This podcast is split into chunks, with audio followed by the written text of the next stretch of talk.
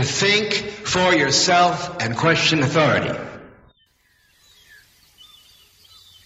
radionafali.com Hiperprzestrzeń, oczywiście, w Radio na Fali jak najbardziej. Sobotni wieczór, miła, piękna sobota. Ja mam wreszcie wolne, dzisiaj po raz pierwszy od nie wiem kiedy, już prawie zapomniałem o tym, jak to jest mieć wolną sobotę. Także witam Cię dziewczyno, witam Cię chłopaku w ten piękny wieczór, kiedy jestem bardzo zrelaksowany. Uch, o czym dzisiaj troszkę wspomnę, tak czy siak, bo temat się, że tak powiem, skleja razem ze sobą. Tematy, które dzisiaj gdzieś tam mi się w głowie pamiętają. Ty słuchasz oczywiście Radia na Fali, jak najbardziej, hiperprzestrzeni. Ja mam na imię Tomek. Wszystko to jest retransmitowane w Radiu Paranormalium i w Radiu Dreamtime. Oprócz tego, oprócz marczynego Radia na Fali. Oprócz tego Radio na Fali tu nieustannie, przypominam, ma przepasne archiwa, które aktualnie aktualnie zastygły w ruchu. Bo ja zastygłem w ruchu z update'owaniem tego wszystkiego. Troszkę robot się pojawiło. Spoko, spoko. Już za chwilę się to wszystko zrzuci, także będzie masa rzeczy do słuchania podczas spacerów, wiosennych spacerów. W troszkę bardziej industrialnych miejscach, bo w lesie to taki spacer raczej bez słuchawek. Polecam. Taki las, żeby był w lesie. Leśnie, żeby było. Aż niedługo będzie doskonała pogoda, żeby się wybrać do jakiegoś lasu, właśnie. Ale ja może zostawię las, bo las tak czy siak, las jest, las jest wokół nas. Właśnie, ja sobie może przyniosę herbatę tutaj bliżej. Jak zawsze odrobina jezioranu w tym wszystkim. Nie może być tak, że tego nie ma. Oczywiście, jest to życie na gorąco, można powiedzieć. Prosto tu z południowego Londynu. Mam taką pogodę za oknem, że daj spokój, zapomnij o spacerach, o czymkolwiek. Chyba, że lubisz spacerować podczas sztormu, generalnie prawie sztormowa pogoda w Londynie. Ponoć jutro ma być jeszcze gorzej. Także miło jest tu usiąść sobie z ciepłą herbatą, na wypasie, na relaksie, w tej sobotniej hiperprzestrzeni. Pozdrawiam Ciebie szalenie mecenasi i mecenasko Radio na Fali. Za chwilę też uzupełnię wszelkie dane jeszcze ze stycznia, lutego. O kurczę, żeby się nazbierało. Tak czy jak przede mną jutro albo pojutrze jakoś tak zobaczę, czy nie zrobię sobie dłużej wolnego. Może być tak, że sobie zrobię jeszcze jeden dzień dłużej, ale zobaczymy. Tak czy siak, na, e, za chwilę, kiedy tylko skończy się moje wolne, uzupełniam te wszystkie dane człowieku i dziękuję Ci już normalnie, po ludzku. Także w ogóle dzięki za wspieranie radia, tak czy siak, niezależnie od wszystkiego, że ja tam podziękowałem oficjalnie, czy nie, mecenasko, mecenasie, pisem w człowieku. To zacne dostać wsparcie od Ciebie, to bardzo zacne i bardzo zacnie sprowadzić dzięki temu taką inicjatywę jak Radio na Fali. Także dziękuję jeszcze raz z góry tym wszystkim, którzy chcą wpłacić i Dziękuję bardzo serdecznie tym wszystkim, którzy wspierają Radio na Fali. Peace and love. I zostawiamy wszystkie te historie organizacyjne, dziękczynne, to kto, co, jak i gdzie. I może przejdźmy do jakiegoś w ogóle tematu dzisiaj w sobotni wieczór. Ta, to może przejdźmy do jakiegoś tematu. Właściwie paru tematów, bo dzisiaj tak bardzo relaksacyjnie będę sobie siedział i się, że tak powiem, relaksował i takie wnioski troszkę wyrzucał z tego relaksu. Bo ten mój relaks ma bardzo, że tak powiem, konstruktywne działanie u mnie w moim życiu. Nie wiem, jak jest w Twoim życiu, mam nadzieję, że też jest konstruktywny.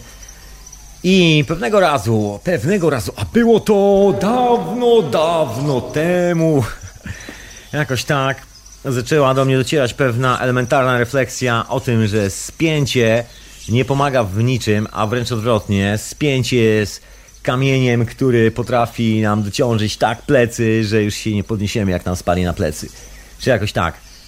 Ciężki, ciężki ciężar. I cała ta historia z relaksem, cała ta historia z łapaniem oddechu jest związana troszeczkę z myśleniem, z takim właściwym układem sił w głowie. Układem sił w głowie, tak, oczywiście.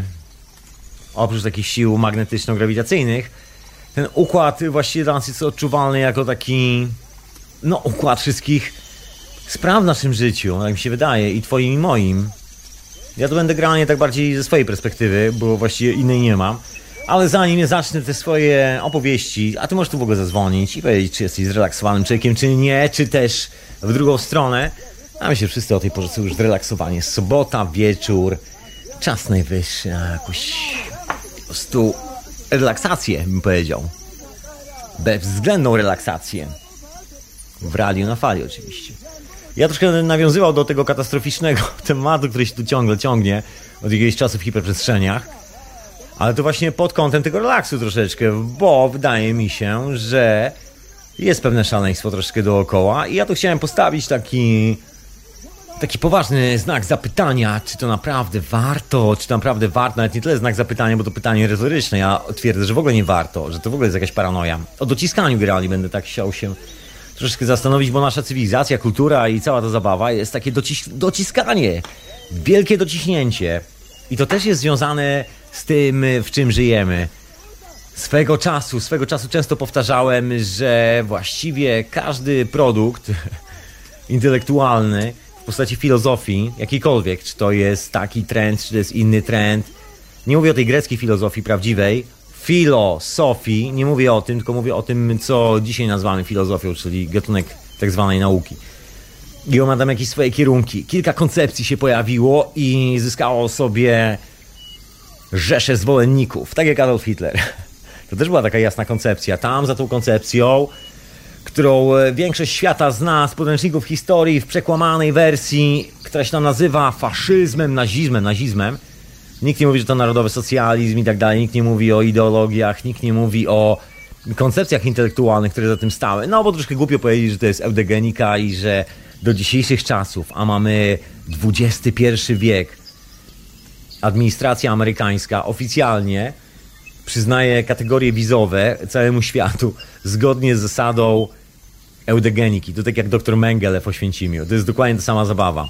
No i w ogóle te, te, wszystkie zabawy polegające na tym, że ktoś ma inny kolor skóry, albo coś innego, albo coś takiego.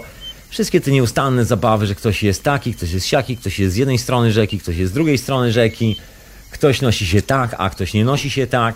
No aż są jakimś nieustannym zarzewiem jakiegoś szaleństwa, które panuje na świecie.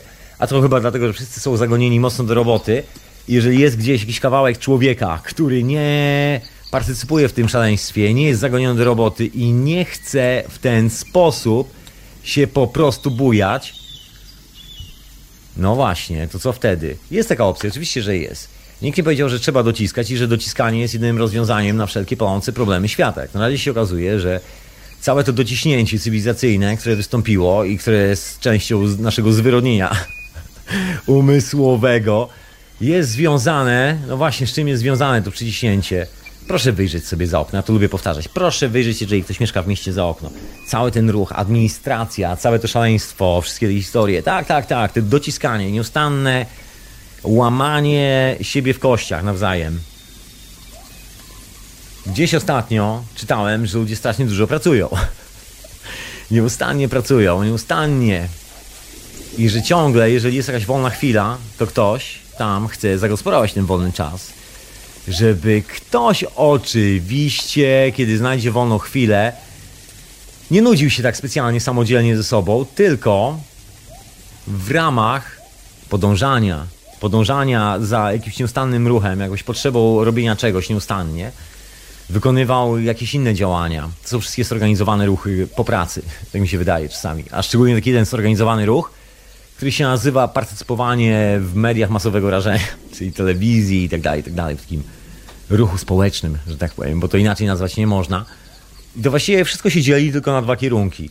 Na tych z, z tego całego zestawu, którzy mają to szeroko i głęboko oraz na tych, którzy żyją w tym zestawie. Właściwie gdzieś po środku nie za bardzo istnieje, bo jeżeli jesteś z jednej strony, to to, co jest z drugiej strony, wykręca ci mocno głowę. W sensie ciężko nie traktować ich jak wariatów, prawda? A z drugiej strony wcale nie ma powodu, żeby się dziwić, iż ktokolwiek kto zasiada w takim miejscu i ma takie coś w głowie, traktuje z kolei na przykład mnie jako wariata. Całkiem normalna sytuacja. Myślę, że tutaj każda stroka ma swój ogon, który chwali. Ja mam na imię Tomek, może zadzwonić w ogóle radionafali.com, taki jest adres na Skype'ie. A dzisiaj o sile relaksu. W tej opowieści nie może zabraknąć mojej refleksji na temat w ogóle rozwoju cywilizacyjnego. Najczęsto powtarzam i dobrze, by każdy to usłyszał, to jest moja oczywiście opinia, Spójrzmy na historię z LSD. Przecież gdyby nie było LSD, to nie wiem, czy do tej pory znalazłby się ktoś, kto skumałby, że jest coś takiego jak DNA i cała ta historia związana z eudegeniką runęłaby, runęłaby pod własnym ciężarem. Bo to, co stoi na kontrze do takiego właśnie faszyzmu, takich ideologii, które są obozowe, korporacyjne, no to jest wiedza. Ponieważ jedne wynikają z wiary w to, że, że ktokolwiek, kto ma dwie nogi, dwie ręce i głowę, niekoniecznie na karku, jest w stanie wymyślić warunki do funkcjonowania każdej istocie na tej planecie, że jedna istota, czy tam grupa, bardzo wąska grupa istot, nagle bierze na siebie, w cudzysłowie bierze na siebie odpowiedzialność za to, żeby stworzyć piękny raj, w którym wszystkim będzie dobrze. I nagle stwierdzają, że wymyślają sobie zasady, to jest właśnie ta eudegenika, że jak ktoś ma odstające uszy, to na pewno jest krytynem oczywiście. Także wszyscy ci z kraju, gdzie uszy odstają, są krytynami, także oni wizy nie dostają. I to w ogóle nie ma rozmowy na ten temat. Jeżeli kolor skóry nie pasuje, no to oczywiście kolejna historia. No to oczywiście wiadomo, że głupek. I tak dalej, i tak dalej. To są wszystkie te historie związane właśnie z tym, jak sobie biała rasa kolonialnych panów wymyślała XIX, XVIII i początek XX wieku, właśnie do tej pory. Część z nich sobie tak wymyśla, że no musi mieć jakiś powód, dla którego są lepsi od tych ludzi, których zniewolili i skopali w dubsko. Dlatego ich wszystkich wymordowali, bo oni ludźmi nie byli, no mieli inny kolor skóry i tak dalej. I gigantyczna część kultury, która nas otacza, i to wcale nie jest dowcip, jest spuścizną tego kolonialnego myślenia. I to wcale nie jest tak, żeby było inaczej.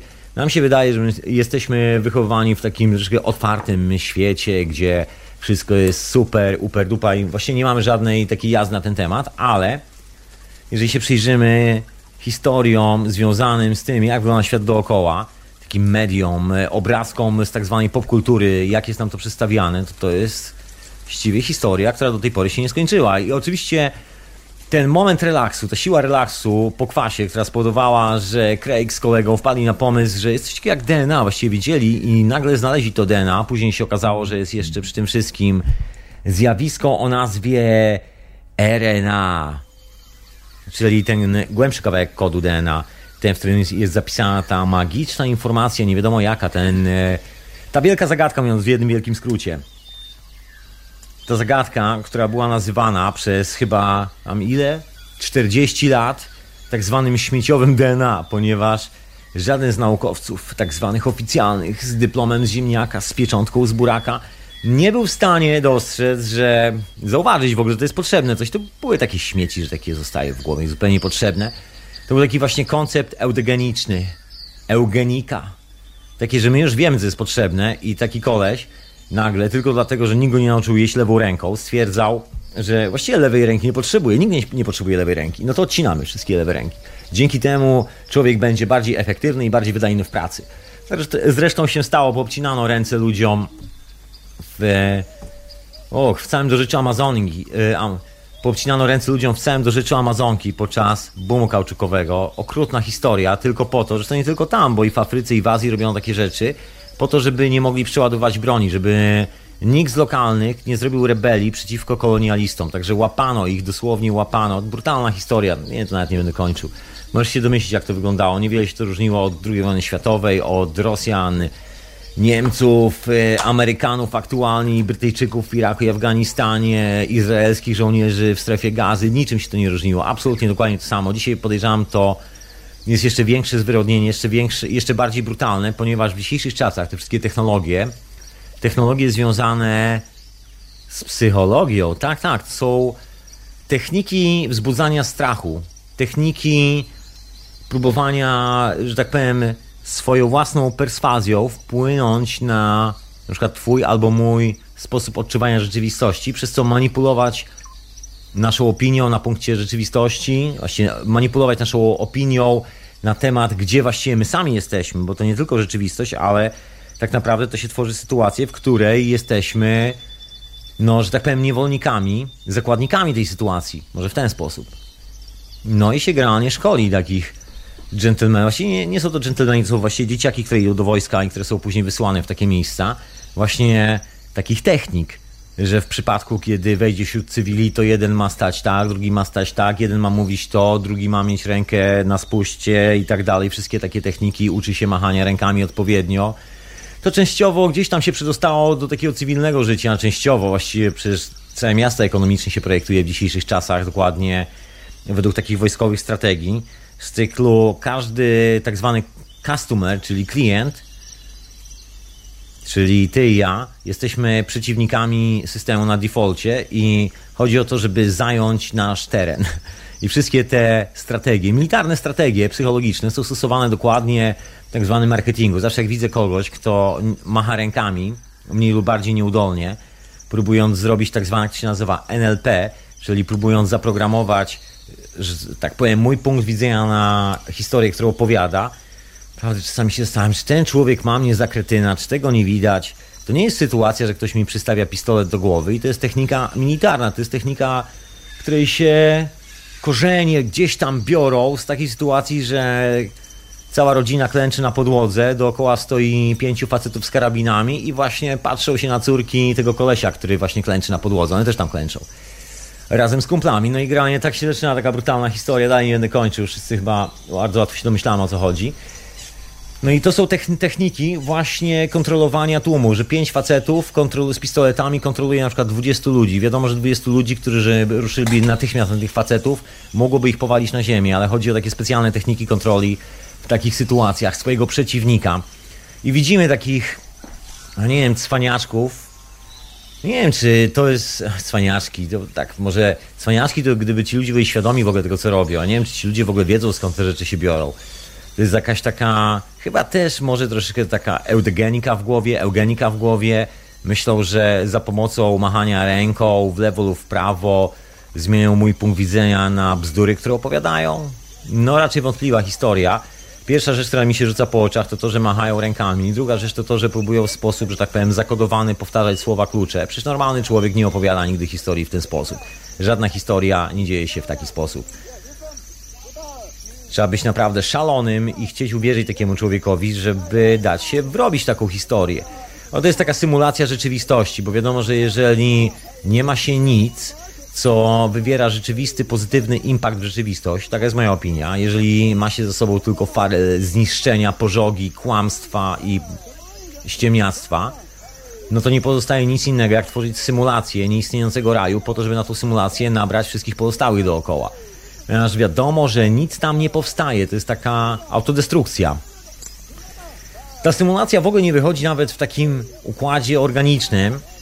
Ta cała historia swego czasu z dziedziny biologii, gdzie postanowiono, że przecież człowiek już doskonale opanował, jak tutaj zarządzać roślinami na tej planecie, więc zbuduje doskonałe biosfery. Takie biosfery, które spowodują, że cały świat będzie można wysadzić w powietrze. Ta elita, która wysadziła cały świat w powietrze, oraz ich przydupasy będą się chowali w bunkrach, a w tych bunkrach będą mieli jakąś biosferę. Się okazuje, że no niestety nie za bardzo. Wszystkie te tajemnicze, genialne konstrukcje, które są obliczone i tam pobudzają wyobraźnię wielu ludzi i są obliczone na tam 15, 20, 30 lat życia pod ziemią. I tam niektórzy się strasznie napalają na to, że jejku, spisek, spisek wielkich możnych tego świata. No to nam spisek. Jest po prostu działanie grupy wariatów, której się wydaje, że przeżyją w komfortowych warunkach pod ziemią, bo sobie wybudują tam saunę z bąbelkami. Ta sauna z bąbelkami w ich przypadku ma tylko sens, kiedy dzieje się na Karaibach, na jakiejś pięknej wyspie, na otwartym terenie. Co, tapetę sobie na ścianie nalepią tych Karaibów, a tam już będzie, że tak powiem, deszcz radioaktywnej wody z nieba? No nie, to raczej nie zadziała. To są takie myśli ludzi, którzy mają bardzo krótką wyobraźnię, ich wyobraźnia chyba się kończy, nie wiem, może na trzech dniach do przodu albo jakoś tak. Nie sądzę, żeby mogła wybiec troszkę dalej. No i była próba zrobienia tych biosfer i dalej się próbuje robić te biosfery. Jak się okazuje, z reguły wygląda to tak, że jeżeli jest ona duża i zostawi się wszystkie te rośliny samopas, to one jakoś w sobie generalnie się poukładają i sobie robią własną biosferę ale moment, kiedy wchodzi tam istota, która zwariowała i stwierdziła, że rozumie to wszystko, chociaż nie ma bladego pojęcia, co się tam dzieje, nagle system przestaje działać. No jest katastrofa. Jak tu zrobić tak, żeby mieć tyle marchewek, ile sobie wymyśliłem, bo sobie tak wymyśliłem, nie dlatego, że potrzebuję albo coś, tylko po prostu sobie wymyśliłem, ale muszę mieć tyle marchewek, bo ja już mam tu biznes, będę miał transport, będę coś tam robił, Nagle cały świat będzie zależał od moich marchewek i pewnego dnia logo mojej marchewki będzie na księżycu oglądane przez każdego mieszkańca Ziemi. No dziś okazuje, że się buduje takie biosfery, które się nazywają monouprawami, głównie za pomocą ponoć najzdolniejszego, nie wiem, ja to nazywam naj, najzdolniejszego głupka na świecie, czyli Billa Gatesa, syna swoich rodziców, takiego wstawionego kolesia, który jest wielkim miłośnikiem Monsanto i posiada 50% udziału w tej korporacji razem ze swoją żoną. Jest wielkim miłośnikiem szczepionek. No w ogóle jest to taki, można powiedzieć, nie wiem, jeżeli ktoś wierzy we wcielenia, to ja sobie myślę, to jest chyba wcielenie Adolfa Hitlera, któremu zabrano jego, jego puby w Norymbergi, zabrano mu jego farbki, zabrano mu jego obrazy, zabrano mu jego niebezpieczną młodość na froncie I wojny światowej, zabrano mu jego ideologię nazizmu, dano mu duże pieniądze, nudne życie i właściwie i robienie się głupka. Jedyne co mu zostało, to przynajmniej prowadzić tą małą wojenkę przeciwko wszystkim ludziom na świecie, przeciwko każdej żywej istocie za pomocą GMO i za pomocą szczepionek, że on, on wytnie wszystkich w pień razem ze swoją żoną.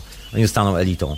Sam oczywiście promuje ekologiczne i organiczne jedzenie, co jest największym dowcipem tej całej sytuacji. Powaga, bo ten koleś, jest nawet jakieś wideo w necie, promuje organiczne jedzenie.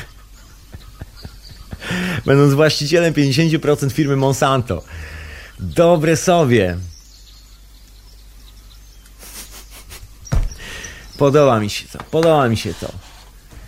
To jest e, nawet lepsza sytuacja niż oficerowie III Rzeszy, bo oni przynajmniej mieli taki numer, że na tym procesie w Norymberdze, jak stali przy ławu przysięgłych i ten cały cyrk się odbywał, kiedy cała reszta na watykańskich paszportach sobie wyjeżdżała do Ameryki Południowej albo do programu Paperclip, a tak, wiecie, pomodlili się nagle w kierunku Watykanu towarzysze Socjalistycznej Partii Narodowej Niemiec i wszyscy, wszyscy wyjechali. No, w międzyczasie w ten, ten, w w tej sali w Norymberdze trwał ten dziarski proces, piękne przedstawienie dla ubogich w duchu. No i tam oni wszyscy mówili, że tylko rozkazy wykonywali. Oni tylko rozkazy wykonywali.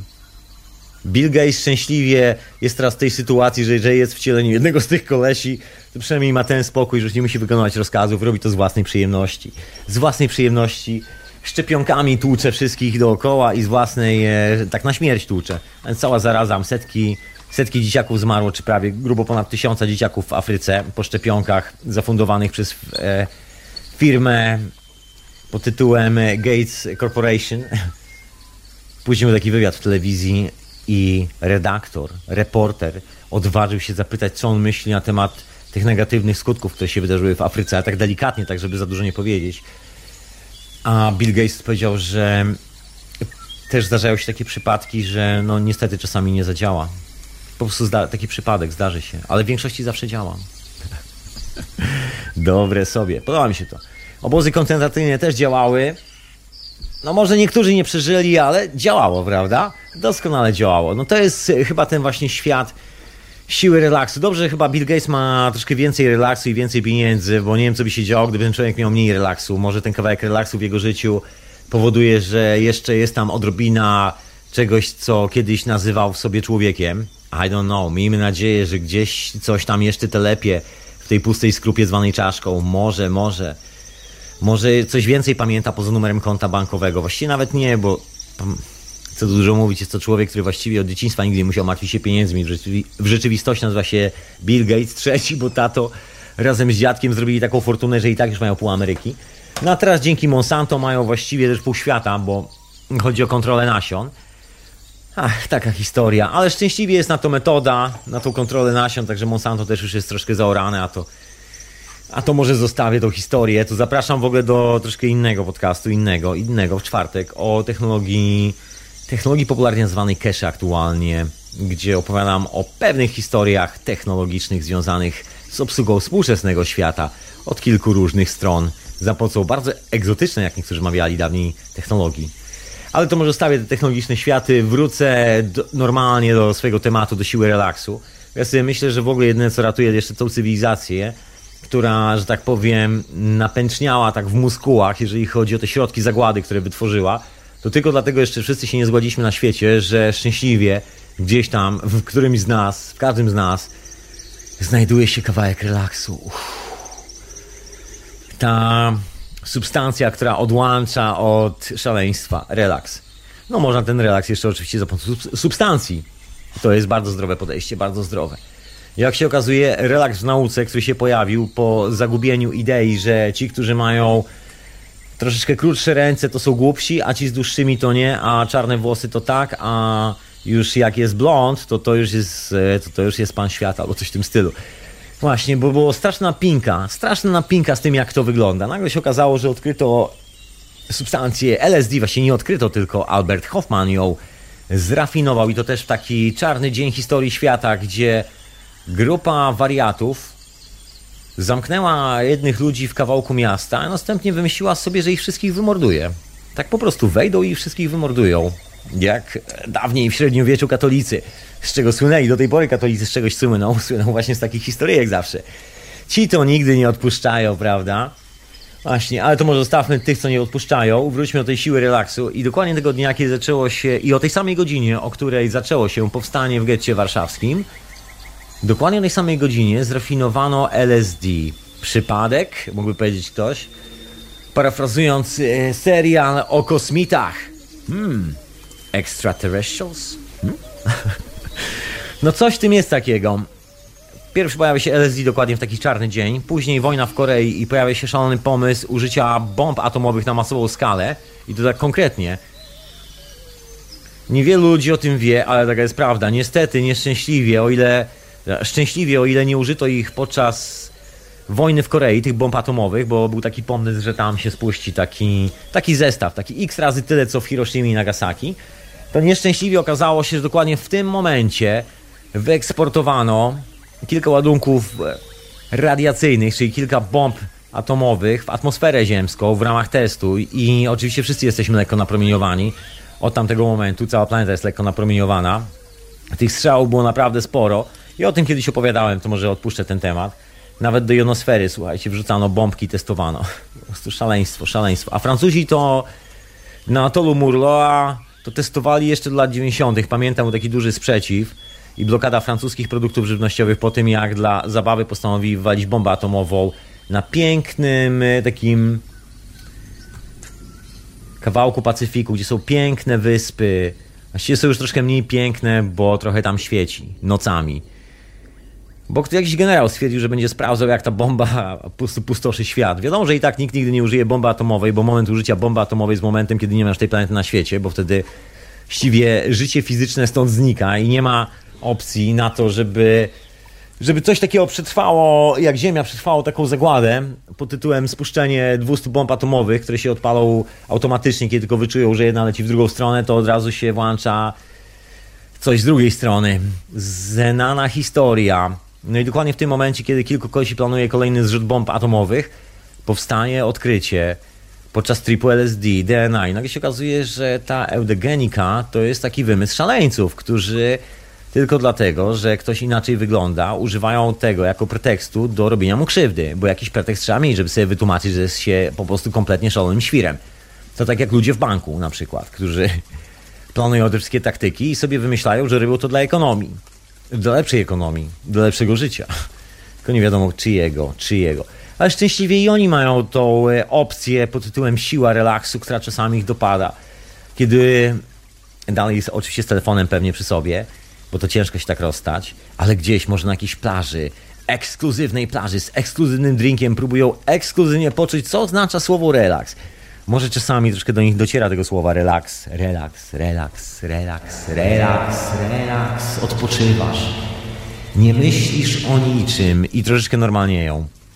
To jest chyba jedyny powód, dla którego to jeszcze, jeszcze nie zamieniło się w jakieś kompletne szaleństwo. Znaczy jeszcze granie, ludzie tam chodzą i jeszcze to jakoś komuś do czegoś służy. Chociaż powodów właściwie nie ma żadnych.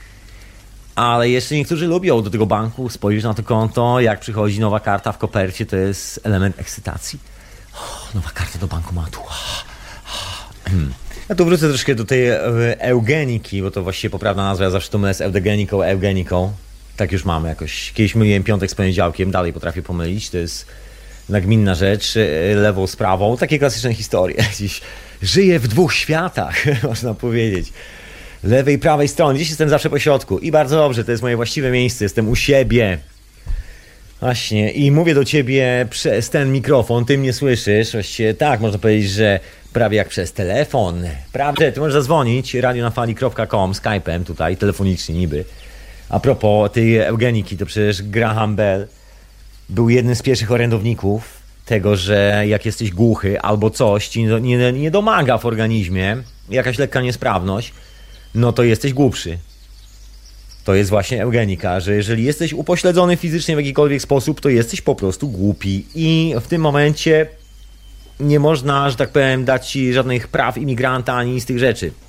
Do tej pory, szczególnie jak chcesz imigrować do krajów typu Stany Zjednoczone i nie tylko, ta zasada eugeniki obowiązuje, dlatego właśnie przy tych dokumentach składasz wszystkie te papiery o szczepieniach, o Twoim stanie zdrowia, o stanie zdrowia rodziny i tak dalej, ponieważ dalej, pomimo wszystko, że mieszkamy ponoć w XXI wieku, dalej właściwie prawo, które jest dookoła nas, jest oparte na eugenice, czyli jeżeli na przykład masz krótszą nogę, to jesteś debilem. I to w ogóle nie ma rozmowy i właśnie nawet nie jesteś człowiekiem. Niemcy twierdzili, że w ogóle to jest, to jest takie pas i zrobili sobie taką akcję, którą chyba nazwali T4 czy coś w tym stylu. I tak, tak kilka tysięcy ludzi, tak, akcja T4, tak to się nazywało, wysłali prosto do obozów takich zagłady, bo po prostu niedorozwinięci, za krótka noga, zbyt długo zajmuje mu czytanie zdania, jakiś taki nie wygląda na porządnego Niemca. To znaczy, że głupi będzie, a jak jeszcze dzieci spłodzi, to dzieci będą jeszcze głupsze i nie będą porządnymi Niemcami. No i granie liczenie ilorazu inteligencji też wynika dokładnie z eugeniki, ponieważ jest taki pomysł, że można policzyć na współczynnik inteligencji. Nie wiem, ktoś kiedyś zwariował i wymyślił coś takiego. W rzeczywistości nie jest to test na inteligencję, tylko jest to test na refleks i właściwie jakieś tam informacje z zakresu, jakichś tam konkretnych zakresów matematyki, fizyki i tak zwanej logiki, ale logiki troszeczkę inaczej pojętej, bo jest to logika taka akademicka i ona się troszeczkę inaczej dzieje niż logika w życiu, bo logika wykładana na uniwersytetach to jest troszkę inna dziedzina niż taka logika na co dzień. To jest teologia, mówiąc w skrócie, to jest takie troszkę extension, e, przedłużenie do filozofii, można powiedzieć. Że niby ma nam pomóc sformułować logiczne zdanie, które trzyma się kupska i dubska. Przynajmniej Taka jest teoria. Oprócz tego jest jeszcze tak zwana logika, która jest starą nauką. Och, można to zawrzeć w haśle de trivium, czyli trzy rzeczy. Wyzwolona sztuka, wyzwolone sztuki, gramatyka i retoryka. Takie greckie historie troszeczkę. Jest taka bardzo ciekawa książka na ten temat, której kiedyś wspominałem. Polecam serdecznie. Napisana przez Sister Miriam Joseph i tam nawet w tytule, że ona jest CSC PhD i że to jest w ogóle umpa dumpa. Nie wiadomo co po prostu, jest taka naukowa sprawa. No jest taka, taki wstęp logiki, mam tą książkę, mogę zaszeleścić kartkami. To jest taki, można powiedzieć, nie wiem czy podręcznik, to jest książka na temat w ogóle historii logiki i jakby logiki, gramatyki, połączenia tych sztuk w jeden taki bryk, takie kompedium można powiedzieć na ten temat. The Liberal Arts of Logic, Grammar and Rhetoric. Jakoś tak, to troszkę inny tytuł niż książka, którą napisał Graham Bell, wynalazca telefonu, bo jak się okazuje, bo nie tylko on, ale praktycznie większość władców do dzisiaj to są eugenicy. Z tego wygląda. Może nie wiedzą sobie, czy są eugenikami, bo to się troszkę zmieniło w czasie, bo tak, Craig i LSD i tak dalej, odkrycie DNA doprowadziło właśnie do odkrycia DNA, i trzeba było jakoś przesunąć tych wszystkich, że tak powiem, niedrobionych naukowców, którzy myśleli, że jak ktoś ma krótszą nogę, to jest debilem, w jakieś inne miejsce, żeby byli bardziej dorobieni, żeby dalej mogli być naukowcami, pobierać granty i, że tak powiem, świecić dyplomami z buraka i ziemniaka na ścianach. No więc przesunięto ich do gałęzi pod tytułem genetyka. I wysnuto taką koncepcję, że okej, okay, skoro, skoro to nie jest krótsza noga, tylko i wyłącznie nie robisz się głupka krótsza noga, to na pewno gen robił się głupka. I to nie może tak być, że wszyscy jesteśmy inteligentni, mądrzy, to jest tylko tak, że jest elita na świecie, a reszta jest głupkami. Teraz trzeba zbadać, kto jest tym głupkiem, a kto głupkiem nie jest. I to jest tak zwana definicja współczesnej nauki zwanej genetyką. Oczywiście mówi się oficjalnie, że to w ramach oczywiście medycyny, poznawania meandrów ludzkiej natury, organizmu właściwie, meandrów e, ludzkiego organizmu, ale oczywiście to ściema, bo te meandry ludzkiego organizmu są poznawane tylko po to, żeby przypieprzyć tam szybciutko tonę patentów przez dużą korporację farmaceutyczną i na sprzęcie, który jest produkowany tylko i wyłącznie praktycznie przez i na licencji jednej firmy na świecie, a firma właściwie jest bardzo mocno związana z pewną rodziną, która się nazywa Rockefeller, i Fundacją Rockefellera chodzi o sprzęt do badania DNA, do sprzęt do robienia prześwietleń tych wszystkich rzeczy. Nikt inny tego nie produkuje. Jeżeli spojrzysz na wyposażenie laboratoriów, każdego laboratorium, nawet tego twojego uniwersyteckiego, Sprawdź sobie nazwę i loga na tych wszystkich urządzeniach, które robią ci testy DNA. No sprawdź, a później sobie sprawdź, do kogo należy ta firma. Zaskakujące, prawda? Wszystko odwołuje się do jednej i tej samej, że tak powiem, banksterskiej rodziny. Rodzina Rockefellera. No, ale mniejsza o to. Generalnie cała zabawa z badaniem tego gena, gena jednego i drugiego polega na tym, że właściwie i tak nie wiadomo co zbadać, bo te metody badawcze są pozbawione jakiegokolwiek sensu, ponieważ to się ogląda pod mikroskopem atomowym i nie tylko. I tak właściwie ta metoda badania polega na tym, że ktoś sobie wymyślił, że podgrzeje troszkę DNA i się podgrzewa tego DNA trochę. Kiedyś chyba opowiadałem, ale nie jestem pewien.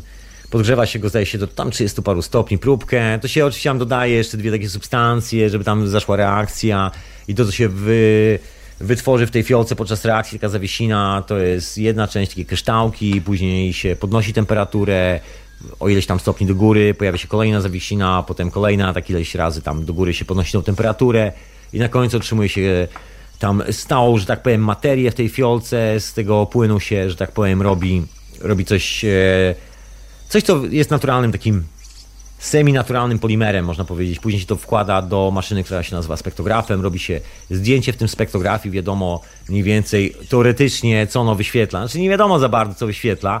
Znaczy wiadomo, że są to związki krzemu, tlenu i tak dalej, i tak dalej. Tylko tyle wiadomo, że jest na przykład pasmo tego czegoś albo tamtego czegoś, ale są tylko takie skoki, to tak właściwie tylko i wyłącznie w tej radiacji, w której te, pracują te maszyny, bo właściwie nikt nie wie skąd się to bierze oficjalnie, nie ma żadnego wytłumaczenia, tak jak z kryształami. Oficjalnie nie ma żadnej definicji naukowej, w jaki sposób powstają kryształy. Nie ma. Oficjalna nauka nie dysponuje czymś takim jak wyjaśnienie mechanizmu powstawania kryształów. A najlepszy numer jest taki, że całe życie właściwie na tej planecie polega dokładnie na tym procesie krystalizacji w sumie. Wszystko jest kryształem. My jesteśmy kryształem wody. Wszystko. Ziemia, kosmos to wszystko jeden wielki kryształ i oddziaływania pomiędzy właśnie ściankami, pomiędzy punktami w tym krysztale, napięcia pomiędzy plazmą, można powiedzieć. Ale oczywiście tam jest coś zupełnie innego. Tam jest dalej ten pomysł, że ktoś tu musi być głupkiem, ale to na pewno nie my. I na pewno ten głupek chce zabrać nam kanapkę i na pewno trzeba go zabić. Po prostu trzeba go zabić. Zabijmy go, zabijmy go. Taka żądza. I właściwie, gdyby się tak przyjrzeć tej akademickiej nauce, która jak istnieje od tych 100 lat, właściwie to są takie uniwersytety masowego ludobójstwa. Tak mi się wydaje. Ja czytam dosyć sporo tych prac akademickich. Oczywiście okej, okay, okej, okay, są ludzie, którzy chcą pracować w imię pokoju, miłości na świecie. Jasne. Ale wszystkie te badania, które tam są prowadzone, to są... Ja nie wiem, czemu ma to służyć. Czemu ma to służyć? I don't know. Owszem, pojawiały się miłe, sympatyczne rzeczy, bo jest tam masa miłych, sympatycznych, zdolnych ludzi, którzy przez przypadek i zrządzenie losu trafili w objęcia uniwersyteckich macek, ale, ale te badania jakoś tam nie wypływają. To widać, że generalnie ludzie po prostu mają pecha. Jeżeli masz y, dobre podejście i właściwe podejście do mamy natury, no to generalnie tam jest to niewłaściwe miejsce, żeby je manifestować, jak się okazuje. Nie jest to dobre miejsce, żeby na przykład w dzisiejszych czasach wspominać, że hej stary, dokonałem pewnego odkrycia, ponieważ wrzuciłem niezłego kwasa albo potężną dawkę psylocybiny i zobaczyłem to, jak to wygląda i wiem, jak zbudować tą maszynę. Nie, nie, tej opcji tam raczej nie ma.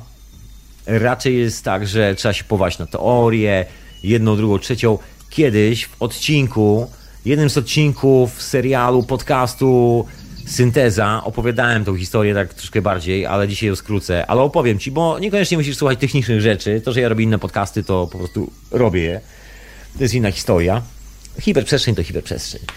Opowiem ci szybko historię z panem gentlemanem, pewnym gentlemanem, który dokonał takiego zjawiska, że wziął troszeczkę miedzi, opalił ją, i jak opalił tą mieść, to ona miała tą czarną powłokę na sobie. Było to na początku lat 90. Tak, tak, tak. Kojarzy się z knockoutingiem i kesze, jeżeli wiesz o czym mówię.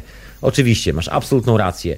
No więc ten pan z pochodzenia z, z Rosji, taki bardzo dziarski naukowiec, zajmujący się materiałoznawstwem, a dokładnie to ceramiką i właśnie wszystkimi spiekami ceramiki, tego co można z tym zrobić i jak to zastosować w laboratoriach, co, co w ogóle można z tego do maksa wyciągnąć, w skrócie mówiąc po przeniesieniu się na uniwersytet do Helsinek, zdaje się, nagle odkrył, że ma ten pył z miedzi, a to przez zupełny przypadek, ponieważ Kadzie, prawdopodobnie przez zupełny przypadek, tak troszeczkę tutaj, tak powiem, dorobię tej historii, a niech będzie troszkę legendy w tym wszystkim, bo oczywiście Kadzie do topienia niektórych polimerów są z miedzi. I tam jest dużo miedzianych elementów, których się używa.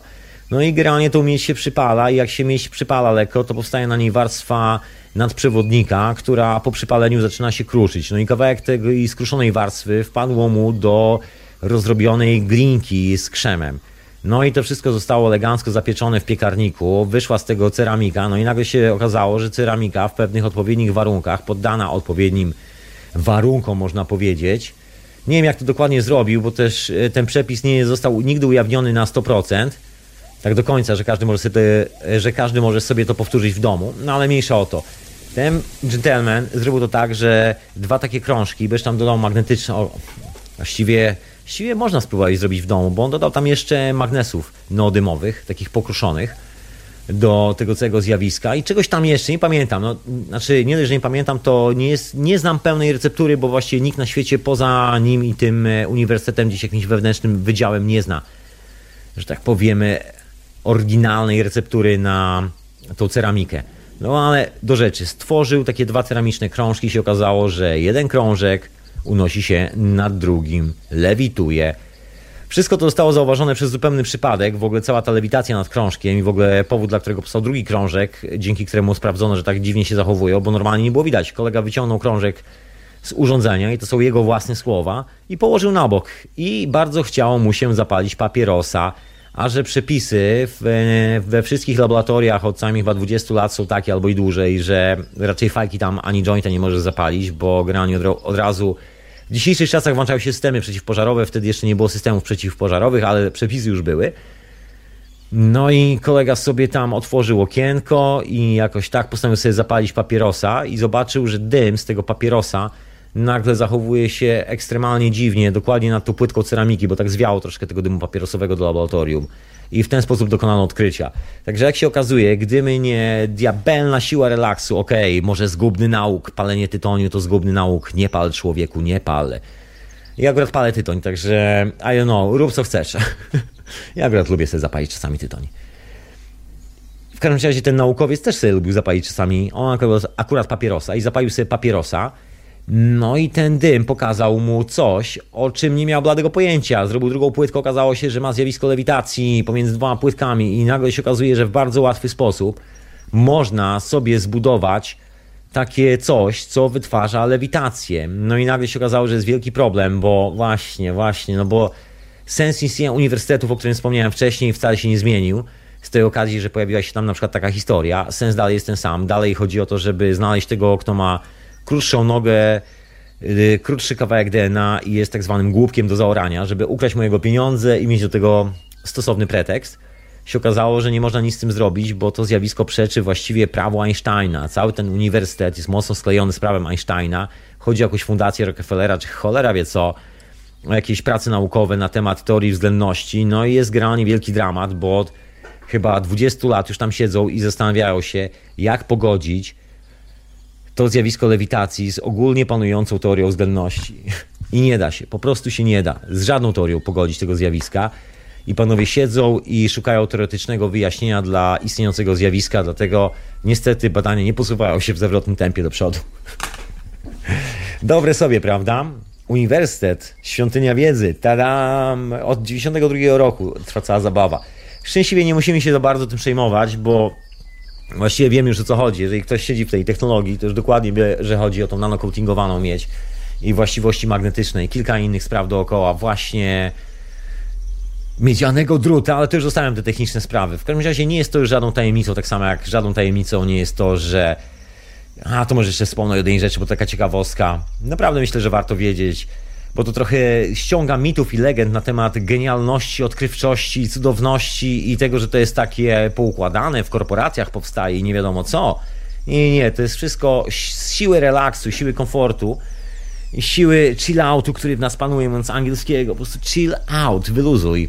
Nikola Tesla był bardzo wyluzowanym kolesiem. Pewnego dnia wziął samochód i e, znano-coatingował sobie szybko kawałek miedzianego drutu, założył w odpowiedniej części drutu i jeździł na samochodzie bez tankowania przez prawie miesiąc, 20 parę dni zdaje się.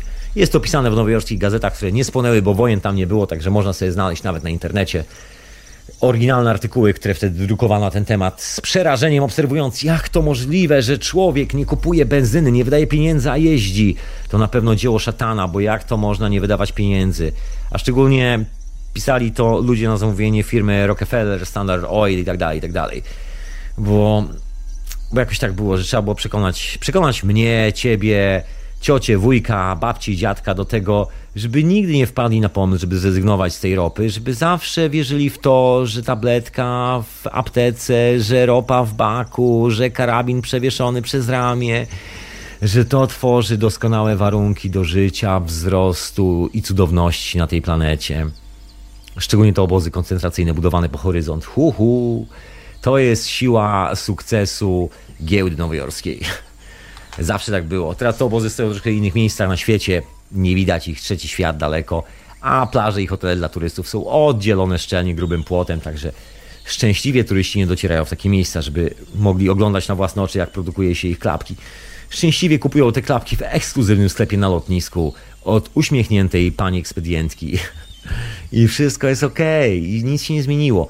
Dalej eugenika, dalej eugenika, dalej szukanie, no bo te klapki to też są po to, żeby lepiej wyglądać, a nie gorzej wyglądać. Niekoniecznie klapki są po to, żeby mieć klapki, tylko przecież klapki na sezon, przecież ciuszki na odpowiedni sezon, przecież to jest dalej, no może nie krótsza noga, może nie, że tak powiem, większe ucho, no ale przynajmniej teraz modna sukienka, modna torebka. No właśnie, to przynajmniej robi robotę. I dzięki temu cały nasz koncept o eugenice, pomimo, że oczywiście wiemy, że DNA, wiemy, że to nie ma z tym nic wspólnego, wiemy, że to bajkopisarstwo, wiemy, że to ściema, która służy tylko i wyłącznie wytłumaczeniu ludobójstwa, wiemy o tym, ale dalej lubimy się w to bawić i dalej się w to bawimy cywilizacyjnie. No jest takie zgięcie, ciągnie się to za nami jak nieszczęście przerażające. To tak jak ci wszyscy ludzie, którzy twierdzą, że polityka, że to wszystko to są to złe rzeczy, po czym sami spędzają 99% swojego życia na pieprzeniu głodnych kawałków na temat polityki. I pierwszą rzeczą, którą robią, kiedy dorwą coś w rękę, to zajmują się zabawą w takiego polityka i snują analizy polityczne. Tak się zastanawiam, to jak to jest z tym samochodem? Samochód jedzie wtedy, kiedy wlejesz mu paliwo do baku, czy jedzie wtedy, kiedy paliwa mu nie wlejesz? No wiadomo, że każdy, że tak powiem, pojazd, czy to jest pojazd w naszej głowie zwany myślą, czy to jest pojazd na spalinową historię, czy to jest pojazd na elektryczną historię, czy na jakąkolwiek inną, no musi mieć coś, co dostarcza mu to zjawisko, tak jak nasza myśl dostarcza światu pewnych konceptów i później się nagle okazuje, że te koncepty są lekko toksyczne, ale jak na ironię, radosny, taki po prostu wręcz no nie można tego przecenić. Brak konsekwencji, taka wtórna głupota, wtórny debilizm nas samych, to że... nie, no pamięć jest krótka. Jednego dnia taki koleżka się zarzeka, że to w ogóle polityka, że to jest bagno, że on tworzy nowy świat, buduje alternatywę dla tego całego shitu. Następnego dnia zajmuje się analizą polityczną czegoś tam na podstawie newsów z gazety, która jest wymyślona i prowadzona przez facetów, którzy właściwie opłacają tych facetów, którzy robią politykę. Także nagle staje się kukiełką i taką marionetką w cudzym teatrze. Uch, uch, i tak e, stajemy się czasami cywilizacyjnie, właściwie jesteśmy.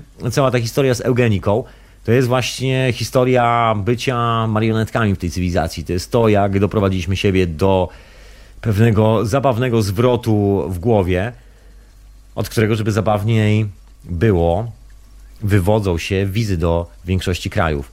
Były takie czasy na świecie, wiem, że trudno w to uwierzyć, że nie było wiz. Owszem, były jeszcze takie czasy na świecie, gdzie na lotniskach nie było psychopatów z długą bronią. Owszem, były jeszcze inne czasy, ale zostałem tylko przy tych czasach, gdzie nie było wiz. I były też czasy, i dołożę do tego paszporty, nie było jeszcze paszportów. Paszport był takim dokumentem dyplomatycznym i właściwie służył tylko i wyłącznie właśnie w ramach dyplomacji. Paszporty mieli ludzie, którzy reprezentowali jakiegoś władcę, i oni się legitymowali tym paszportem na dworze drugiego władcy, żeby potwierdzić swoją tożsamość, że reprezentują króla albo księcia, albo kogoś tam. I temu właściwie służył oryginalnie paszport. Natomiast w pewnym momencie okazało się, że właściwie bez paszportu trudno przekroczyć jakąkolwiek granicę. Chociaż jeszcze 100 lat temu właściwie nie było to zbyt popularnym urządzeniem. Była taka zabawa, że pewien gentleman, a propos licencji, paszportów i wszystkich takich opowieści, który przeleciał po raz pierwszy samolotem nad kanałem La Manche, dostał pierwszą licencję pilota i to był w ogóle taki dowcipny numer, ponieważ okazało się, że właściwie jak weszły samoloty na rynek, jak pojawiło się coś takiego, że można sobie zbudować samolot, a pierwsze samoloty były takie, że właściwie wystarczyło parę listewek, niewiele kasy, bo silniki nie były aż tak koszmarnie drogie. I jeżeli było się tak zwanym gentlemanem, czyli granie należało się do klasy posiadaczy i, że tak powiem, lekko duchów, to można było za posiadane pieniądze ojca, mamy i majątku kupić sobie elementy i poskładać sobie własny samolot i zostać pilotem. Właściwie nie było czegoś takiego jak licencja. Po prostu pojawiło się nowe urządzenie, które działało, fajnie działało, można było sobie polatać. Jeżeli ktoś chciał sobie zbudować, kupić gotowy, mógł wykonać albo jedną, albo drugą opcję, mógł, każdy mógł zostać pilotem. Dosłownie każdy, kogo było stać na samolot. A więc stało się to bardzo popularne w Ameryce i no, w Ameryce były wtedy takie czasy, że dużo ludzi dorabiało się dużych fortun finansowych. Jakoś to dosyć szybko szło i też stało się to dosyć popularne. Także nie tylko bracia Wright, ale w ogóle latanie zaczynało być modne, popularne. W Anglii tak samo, w kilku innych miejscach świata też. No i okazało się, że w Europie, ponieważ w Niemczech już działało, w kilku innych krajach też, to we Francji tak sobie. No i odpowiedzią francuskiego rządu na to, żeby zaistnieć w tej sytuacji w jakikolwiek sposób, było przyznanie licencji pilotom. I ta pierwsza licencja została przyznana za przelecenie kanału La Manche, właściwie tylko jako taki dokument honorowy. Nie jaki taki dokument, że ktoś musi mieć licencję, żeby latać samolotem, tylko ktoś padł na pomysł, że rząd francuski wymyśla teraz licencję. I każdy, kto przeleci przez kanał La Manche, jest licencjonowanym pilotem francuskiego rządu. Coś w tym stylu, jakaś taka bzdura absolutna. No w każdym razie bzdura przeszła. Efekt jest taki, że wszyscy już teraz muszą mieć licencję. No, wszyscy muszą mieć paszporty, no i wszędzie potrzebne są wizy. No a wizy w ogóle oryginalnie pochodzą właśnie z eugeniki, bo to był ten pomysł, że co zrobić z tymi wszystkimi, którzy mają za krótką nogę, za długie ucho, albo za krótkie palce u nóg, albo coś w tym stylu. Trzeba było ich trzymać z daleka od y, pięknych posiadłości. No, trzeba było ich trzymać z daleka od tych wszystkich pięknych posiadłości, i tych wszystkich cudownych miejsc, w których wygrzewali się ówcześni bogacze, no więc jedyną opcją na to, żeby trzymać ich z daleka, trzeba było wybudować tam płot. Najlepiej taki wysoki, którego się nie da przeskoczyć. Później budowano te płoty, właściwie w wielu miejscach do dzisiaj w strefie gazy sobie stoi taki duży płot dookoła. I wybudować taki duży płot i postawić takie bramki i postawić tam kolesi, którzy za odpowiednią sumę pieniędzy są na tyle desperatami i wariatami, że są w stanie wziąć broń do ręki. Oni będą pilnowali tej bramki i granie będą wpuszczali tylko tych, którzy, którzy będą odpowiadali I don't know, właśnie nie wiadomo czemu, bo teoretycznie była to nauka i tam wierzono w to, że to była nauka. Naukę obalono prawie no, 70 lat temu, to odkrycie DNA i tak dalej, i tak dalej.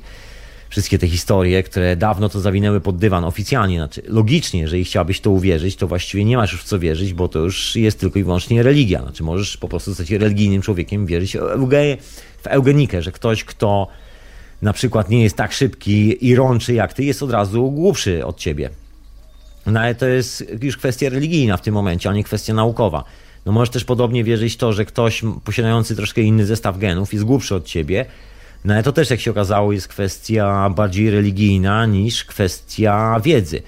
No ale jak się okazało, ta religia jakoś tak, nie wiem, utrzymywana nieustannie, to w ogóle jest taka zabawna religia, która chyba każe każdemu żreć mięso, ten baranek nieustannie jest orany tam, wiecznie musisz żreć mięso, musisz mięso żreć, baranka trzeba zatłuc i musisz go zerzeć. Piękną istotę, która sobie chodzi, żre trawę na łące i daje ci kawałek ciepłego odzienia, to musisz wziąć, zarnąć i zjeść. Zupełnie bez powodu, bo na przykład ktoś sobie tak wymyślił. No jest to taki pomysł na trzymanie wszystkich, że tak powiem, w ryzach, żeby nie było, że ktoś się wychyla. Kolego, kolego, zabiliśmy owcę, jemy tą owcę, albo przychodzisz i jest z nami, albo spuszczamy się taki łomot. Dokładnie. Zawsze mi się podoba ta jedna, podoba jak podoba, to jest y, moim zdaniem ta najbardziej prawdziwa, jedna definicja katolickiej wiary, która się nazywa zajebać odmieńca. Innej definicji tej wiary nie ma. Właściwie każdej wiary, która jest monoteistyczna, gdzie bóstwo jest jedno, definicja jest zawsze taka sama, zajebać odmieńca. I podobnie jest w biznesie tutaj, tylko że w biznesie jeszcze się troszkę zmienia, bo Właściwie nie można zajebać przysłowiowego odmieńca, tylko trzeba okraść przysłowiowego odmieńca, ale okraść go w taki sposób, żeby on, bo to też się nie opłaca, bo raz go okradniesz i on już, y, już nie ma powodu, żeby go trzymać, może coś z tego, no generalnie nie ma akcji do przodu. A jak, y, że tak powiem, zrobisz z niego niewolnika, no to w tym momencie, no to możesz go okradać co miesiąc, z rachunku za prąd, z rachunku za coś tam, z wizy, ze wszystkiego. Oczywiście powód zawsze jest ten sam, Powód jest taki, że dzięki temu, że weźmiesz cudze coś, to bierzesz po to, żeby stworzyć mu lepszy raj na ziemi, że tak powiem, niż on potrafi stworzyć sam sobie. To jest taka pierwsza elementarna definicja, dla której jeden człowiek wskakuje ze swoją łyżką do talerza drugiego człowieka. Teoretycznie. Zawsze to próbuję wyjaśnić, że, że on spróbuje tej zupy, czy ona jest aby wystarczająco dobra, bo no właśnie, tak żeby się nie zatruł albo coś takiego. I kiedy w talerzu widać już dno, on odsuwa ten talerz od siebie i mówi, teraz możesz spokojnie zjeść.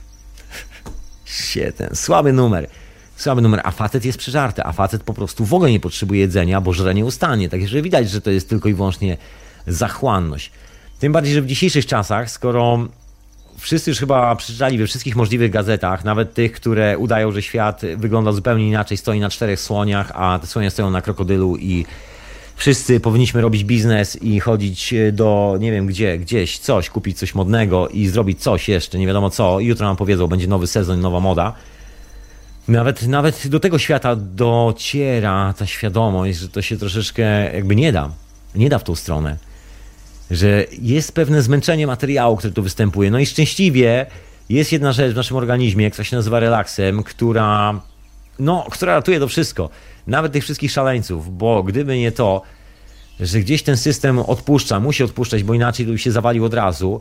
No i to miejsce, gdzie odpuszcza, nazywa się relaksem. Jak na ironię, wszystkie te rzeczy, które powstają w czasie relaksu, są rzeczami, które właściwie trzymają ten cały świat w kupie. To są rzeczy, które właśnie tworzą prawdziwą wiedzę. Jak się okazuje, ani wiedza, ani właściwe nawet urządzenia, które mamy dookoła siebie, ani z tych rzeczy, które jest ok, mówię o tych fajnych sprawach, nie mówię o tym całym toksycznym zestawie, mówię o czymś, czego używamy nie po to, żeby się pochwalić przed sobą, że ach, się ponapawać, bo mam, tylko coś, co naprawdę robi fajną rzecz i jeszcze daje pożytek światu dookoła i jest naprawdę super i daje naprawdę świetny relaks.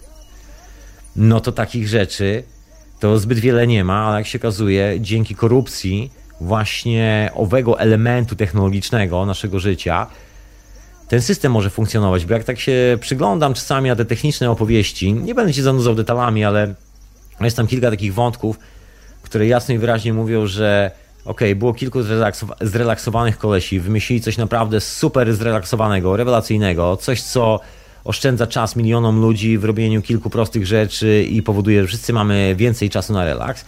I nagle się okazało, że ktoś to wziął, wiesz, po cichutku, zawinął pod dywan, albo próbował zawinąć pod dywan i się szczęśliwie nie udało. No i próbował nas trzymać tak daleko, tak żebyśmy przypadkiem nie poczuli zbyt dużego relaksu, że tak powiem, na własnym dubsku, żeby ciągle było jakieś spięcie. Ta próba polaryzacji nas nieustannie jest ciągle. Ciągle. Ja sobie zrobiłem dzisiaj przelot po gazetach. Powaga, zrobiłem sobie dzisiaj prasówkę, strasznie dawno nie robiłem, stwierdziłem, a faktycznie teraz przecież jest y, taki Christmas time w cudzysłowie oczywiście, Easter, w Anglii tak to się nazywa, a w Polsce pełne szaleństwo, no to, to co, to zobaczę na jakieś może gazety. I angielski nawet nie dotarłem już za bardzo, bo się zmęczyłem na polskich, także zajrzałem na kilka takich e, gazetowo-newsowych historii, no właśnie, no i nic tam takiego nie znalazłem. I fenomen jest taki, że te wszystkie newsy, ten cały świat, ten e, fenomen, który powstał, którego logiki nikt nie jest w stanie zrozumieć, funkcjonuje tylko i wyłącznie, że było kilku łebskich facetów, kolesi, którzy sobie wymyślili, że na przykład zrobił jakieś maszyny, które przysyłają informacje, tak jak komputery, bo generalnie powrzucali troszkę tego LSD, robili to regularnie, co tydzień, gdzieś tam w Krzemowej Dolinie i w ten oto sposób powstała bardzo ciekawa technologia, która troszkę skróciła nasze relacje, przyspieszyła te relacje i spowodowała, że dowiedzieliśmy się kilku rzeczy o sobie samych, a oczywiście z wnioskami dużo inna sprawa, bo nie każę każdemu wyciągać wniosków, ale to już jest osobna rzecz. Niektórzy twierdzą, że internet ogłupia, ale to ja myślę, że to jest taki nieustanny problem z wyciąganiem wniosków. Jak ktoś ma problem z wyciągnięciem wniosku, to ogłupi go, że tak powiem, książka, ogłupi go gazeta, ogłupi, ogłupi go wiatr i ogłupią go własne sznurówki. Także to się niewiele zmienia. Informacja jest informacja, to skąd pochodzi, w jaki sposób jest załadowana, nie jest istotne. To jest dalej informacja i albo jest valid, jak to się po angielsku mówi, czyli sprawdzalna, jest ok i działa w moim życiu, albo informacją, że tak powiem, żadną nie jest. Także internet okazał się doskonałym miejscem, ale oprócz tego okazało się, że wszystkie te newsy, które funkcjonują właśnie dzięki temu doskonałemu miejscu, dzięki tej doskonałej komunikacji, właściwie dalej się niewiele zmieniły, bo jedyne co mają do zaoferowania, to w tym momencie zauważyłem, jest dużo biustów dużo dekoltów i dużo pup jest damskich i piłkarzy. Mam wrażenie, jakby w środku zimy cała Polska grała w piłkę. Na pewno byłeś dzisiaj rano, co, piłkarzyku? Na pewno, raniutko, piłkarzyk, tak, tak? Piąta rano, tam śnieg zasypany, już trening na, na boisku pomiędzy blokami. Cała Polska w cieniu, no, klubu sportowego. Widać takie, jak w Niemczech nazistowskich, taka próba robienia trzeciej Rzeszy, próba zbudowania takiego klubu sportowego. To jest dokładnie to samo, co na bazie relaksu próbowały zrobić dalej, próbują korporacje, bo się okazało, że te, te techniki i taktyki wojskowe, które wprowadzono zaraz po II wojnie światowej do wszystkich korporacji, zadziałały tak, że wszyscy się powypalali i doszło do potężnego kryzysu takiego wewnętrznego w tych firmach, bo się okazało, że o ile frajerów przykładających papier z biurka na biurko jest na tony i każdy się do tego nadaje, to na końcu trzeba pana technika, który naprawi kabel telefoniczny, chociażby należący do korporacji Bell, niekoniecznie pana technika spełniającego warunki eugeniki, czyli ten pan technik może mieć za długą, za krótką nogę i trzeba było troszkę wyluzować i no właśnie się okazało, że nie każdy, który jest taki prosty od linijki według tych zasad jest inteligentny. Jak się okazało, z reguły większość z nich to bimbo tak zwane, czyli raczej ciężko z obsługą czegokolwiek. No cóż, to troszkę jak w tym eksperymencie z tymi pięknymi gryzoniami, które się zagłaskały, te piękne gryzonie na śmierć. Cóż, y, brutalna prawda rzeczywistości. Jak się okazuje, siła leży w różnorodności, a nie w monouprawach. O czym się przekonują aktualnie mieszkańcy Ameryki, próbując kupić sobie coś zdrowego do jedzenia. Jak się okazuje. Tak, a tu same monouprawy, same monouprawy napędzane przez Monsanto. Ciężko przeżyć taką historię. No, myślę, że przeżyjemy akurat. Jest na to kilka rozwiązań, także myślę, że szczęśliwi tak jesteśmy na końcu tej historii. No ale jeszcze gdzieś w nas to pokutuje. To cała jakaś taka napinka związana z tym, żeby, żeby spełnić jakiś mit kulturowy i ten mit dzisiaj zasadzony głęboko od samego początku, przecież to pierwsza rzecz, to oczywiście Watykan i oczywiście trzeba nawracać wszystkich, którzy nie są białymi wierzącymi w jakichś, jakichś proroków z Europy. Czyli generalnie trzeba było budować misje wszędzie na świecie. Później misje stanowiły podporę korporacji, które przecież gdzieś musiały te produkty lokować gdzieś, od, odpalać te pierwsze biura. Wiadomo, że misje służyły dokładnie temu, żeby sprawdzać, co można wyciągnąć z lokalnej społeczności. Później się okazało, że wszyscy staliśmy się lokalnymi społecznościami, bo lokalne społeczności szybko zostały wyeksploatowane. No i teraz jest taka zabawa właśnie dalej w eugenikę i my czasami, myślę sobie, czasami w niektórych sytuacjach życiowych mamy jakieś takie zgięcie i łatwo się chowamy właśnie, nawet sobie nie zdając sprawy zupełnie w tym kierunku że a, bo to od razu szukamy jakiegoś wyjaśnienia do jakiejś sprawy, która, że niby jak będzie lepiej wyglądać, że jak będzie bardziej proste, czy jakoś tak, czy jak będzie więcej dokumentów do tego wszystkiego, to ten większa ilość papieru spowoduje, że to będzie miało większy sens. Jest coś takiego troszeczkę, że większa ilość papierów nadaje sens sprawie. Wszystkie te urzędy, wszystkie sprawy załatwiane gdzieś tam, chociażby wizy, jakiekolwiek opowieści związane z tym, że hej, człowieku, przecież jesteśmy ludźmi na planecie, okrągłej planecie. Okej, okay, każdy sobie może mówić różnym językiem, a i tak się dogadamy ze sobą, jeżeli chcemy, bo to nie jest żaden problem. I właściwie jaki jest powód do utrzymywania granic gdziekolwiek? I tak każdy tutaj sobie mieszka gdzie chce, a jak ludzie nie mieszkają gdzie chcą, to zaczynają być nieszczęśliwi, bo to jest potworna historia, kiedy nagle się okazuje, że musisz mieszkać w miejscu, w którym naprawdę nie masz ochoty mieszkać. Oczywiście jest do tego milion teologii, która ci mówi, że to jednak ma sens, bo praca, bo poczucie winy, bo coś tam, jakieś takie, wiesz, wymyślone historie. Ale na końcu tych wymyślonych historii zawsze jest frajer, który płaci drugiemu pajacowi po to, żeby ci wymyślał taką historię, bo on ma fabrykę, do której ty chodzisz. Jeżeli ty olejesz ten cały numer, no to kto będzie zasuwał w tej fabryce na niego, produkował te bezsensowne urządzenia, bo nie, że zostawisz tu fabrykę, to jeszcze się okaże, że nie potrzebujesz połowy urządzeń, które masz dookoła siebie, które muszą zarządzać ci twoim życiem, ponieważ drugą połowę spędzasz w fabryce, a jakby się okazało, że sam stoisz przy garkach albo przy innych rzeczach, to nagle nagle w ogóle życie zaczyna wyglądać inaczej. Nie potrzebujesz połowy rzeczy dookoła siebie, bo nagle się okazuje, że sam robisz tyle i to dwa razy lepiej niż jakikolwiek produkt z jakiejkolwiek firmy jest w stanie ci to zapewnić w twoim własnym życiu. I na dodatek jeszcze, co zabawniejsze, masz z tego niesamowity fan, niesamowitą zabawę i pojawia się relaks. No i tu pojawiają się różne odkrycia w głowie, bo zaczynasz sobie, że tak powiem, na relaksie myśleć o tym, wow, to może zrobię to, to może to, o, to jest fajny pomysł, tam jest fajny pomysł. Ja tam, jak mam wolną głowę, to myśli mi się całkiem przyjemnie. Nie wiem jak tobie, ale zdecydowanie zdecydowanie wolę troszkę na chillauci. To jest moment, kiedy ja sobie wymyślam różne rzeczy i właśnie wtedy wpada do głowy fajne coś. Nie wtedy, kiedy jestem na ciśnieniu. Taka jest moja opcja. To jest ta siła relaksu. To coś odpowiada za właśnie część magnetyczną naszego mózgu, bo to oczywiście ta siła relaksu ma oczywiście odbicie w takiej srogiej nauce, ale tej prawdziwej, nie mówię o wierze zwanej eugeniką, tylko takiej prawdziwej nauce. Chodzi o tą sprawę związaną z polem magnetycznym i grawitacyjnym, bo siła relaksu to jest pole magnetyczne. Jak dziecko się rodzi, to jest zrelaksowane, o tym chyba mówiłem już nie raz i nie dwa w audycji. I problem jest, jak dziecko płacze, wtedy wszyscy zaczynamy się martwić, co jest nie tak. A jak dorosły się źle czuje, to kto się martwi? A jak dorosły sobie wymyśli, że musi się źle czuć, to, to, to co? To znaczy, że zwariował. No tak, to znaczy zwariował. To znaczy, trzeba dorosłemu przypomnieć, że ej, ej, ej, człowieku. Back to life, back to reality. Oczywiście.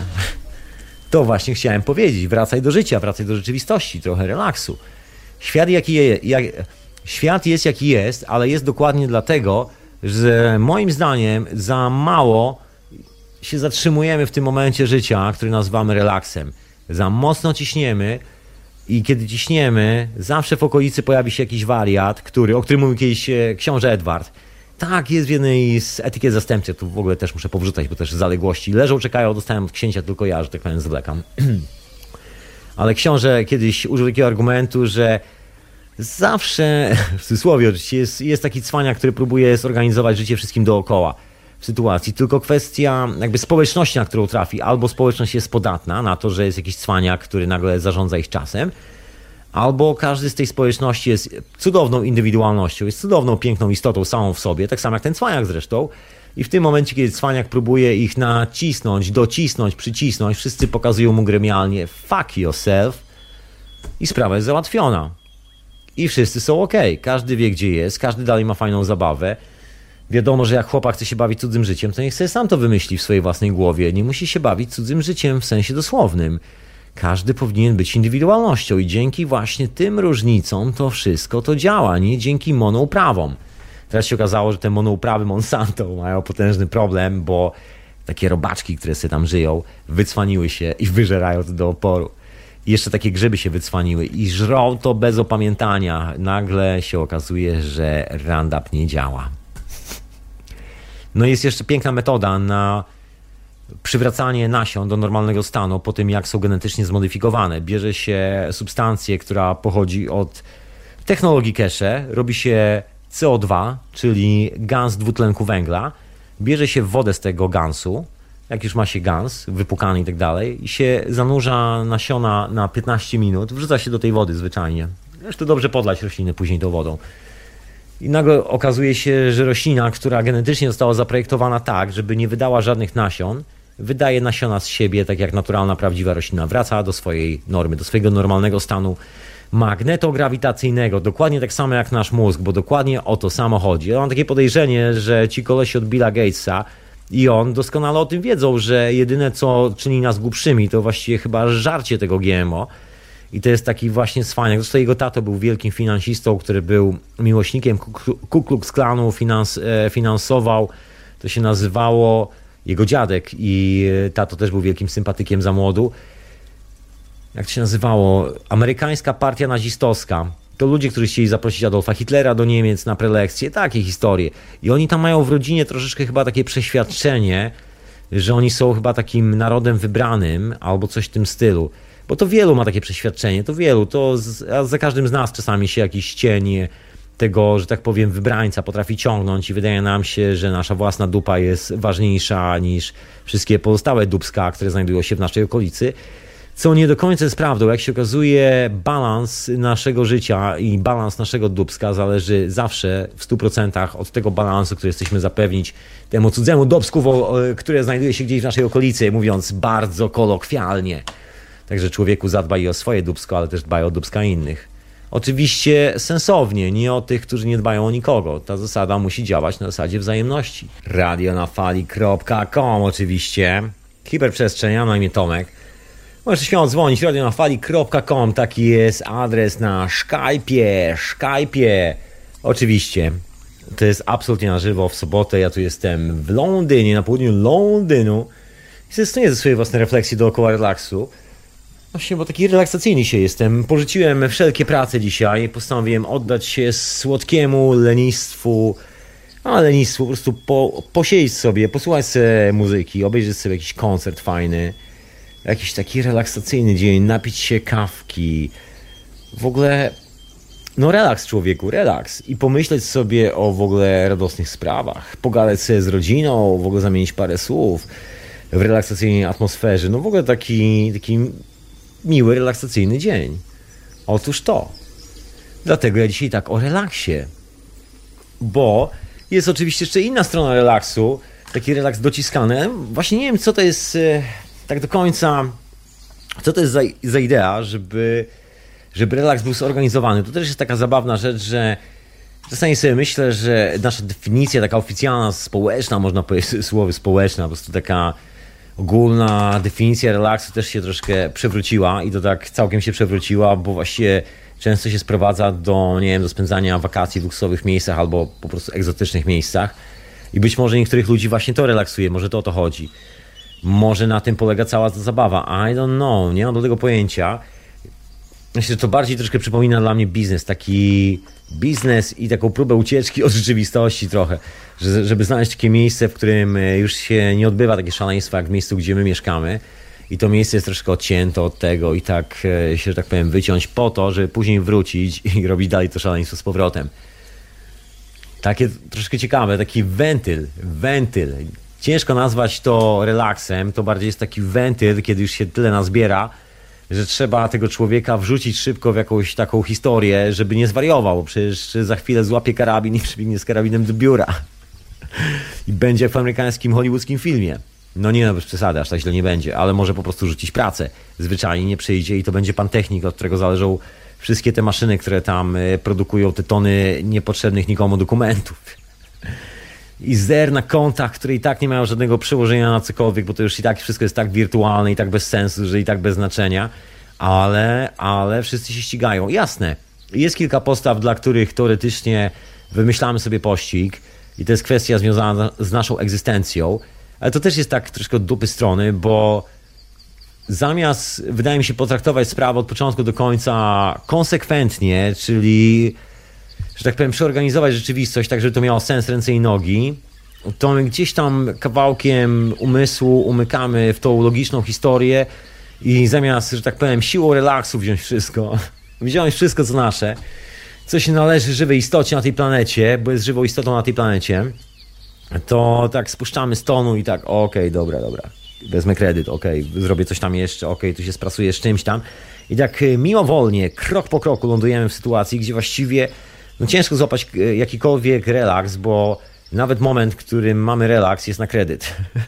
Trzeba wrócić z tego relaksu i spłacić, spłacić ten kredyt. To jest klasyczny numer, z którego kiedyś ślałem, nieprzeciętnie. To są, to jest historia pod tytułem pożyczyć pieniądze, żeby pojechać na wakacje.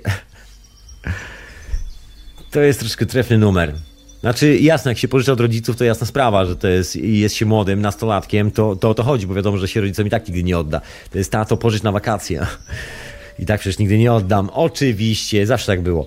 Ale mówię już o takich normalnych sytuacjach, że człowiek, nagle rodzina idzie, idzie pierw do banku, pożycza pieniądze na wakacje, a są takie rzeczy, są w wielu krajach, nie tylko w Anglii, wiem, że w Polsce też, w Niemczech też idzie się, pożycza się pieniądze na wakacje, jedzie się na te wakacje, bo one kosztują dużo, później się je spłaca przez pół roku, bo chodzi o to, żeby to były konkretne wakacje, takie, żeby cała rodzina dostała mega wypasu i tam koniecznie musi być czarnoskóry lokaj, który przynosi drinka prosto do basenu o nazwisku Walczak.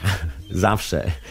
I to jest w folderze i musi być tak jak w folderze, ponieważ to jest ten cały attachment, to jest ta siła pola grawitacyjnego w naszej głowie, chciwość i rządza i wiara w to, że przedmioty dadzą nam relaks, że skoro otoczymy się przedmiotami, które teoretycznie wymagają posiadania kupy kasy, przez co wydaje nam się, że jeżeli, okej, okay, te przedmioty są w otoczeniu kupy kasy. Kto ma kupę kasy? Ci, którzy mają dużo relaksu, czyli jeżeli się otoczy tymi przedmiotami, które są z reguły w tych domach, gdzie mieszkają bogacze, którzy ponoć mają dużo relaksu, bo jak miał dużo kasy, to miałem dużo relaksu, to też będę miał relaks.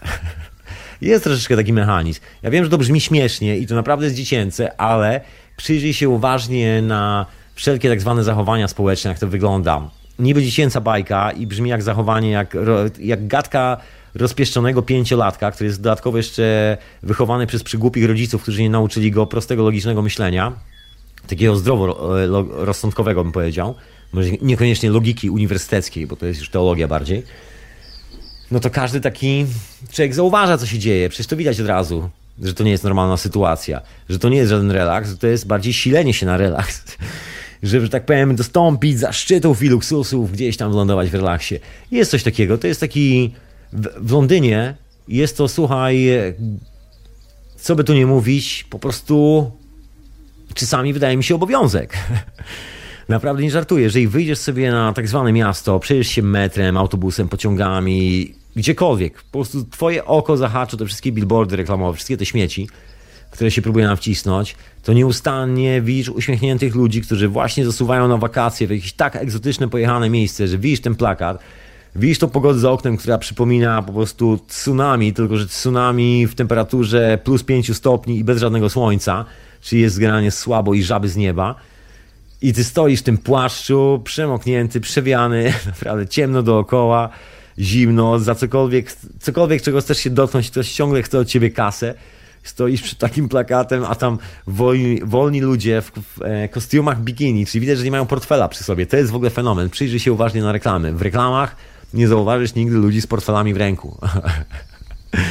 nie, nie, nie ma, nie ma płacenia. Pieniądze nie grają roli. Pieniądze nie są Pan musi zapłacić 2000 funtów za dwa dni.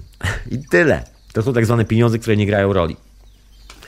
I cały, że tak powiem, taki trakt komunikacyjny tej smutnej, że tak powiem, części populacji, która uwierzyła w to szaleństwo i postanowiła dołączyć do tego szaleństwa. Sam byłem częścią tego szaleństwa przez lata, przez lata, także wiem o czym mówię, gdyż, że tak powiem, mówię w tym momencie o sobie. Otóż to, codziennie wracając z biura, obserwując te plakaty. Takie zawsze pytanie, kto do kurwy nędzy ma czas i pieniądze, żeby bywać w takich miejscach? Przecież nikt, kogo znam, kto mieszka w tym mieście, pracuje, no way. No way. Nie ma takiej opcji, żeby byli tu ludzie, którzy mogą w ten sposób żyć, bo w tym momencie wylecieliby z roboty. Albo pojechaliby na piękną plażę.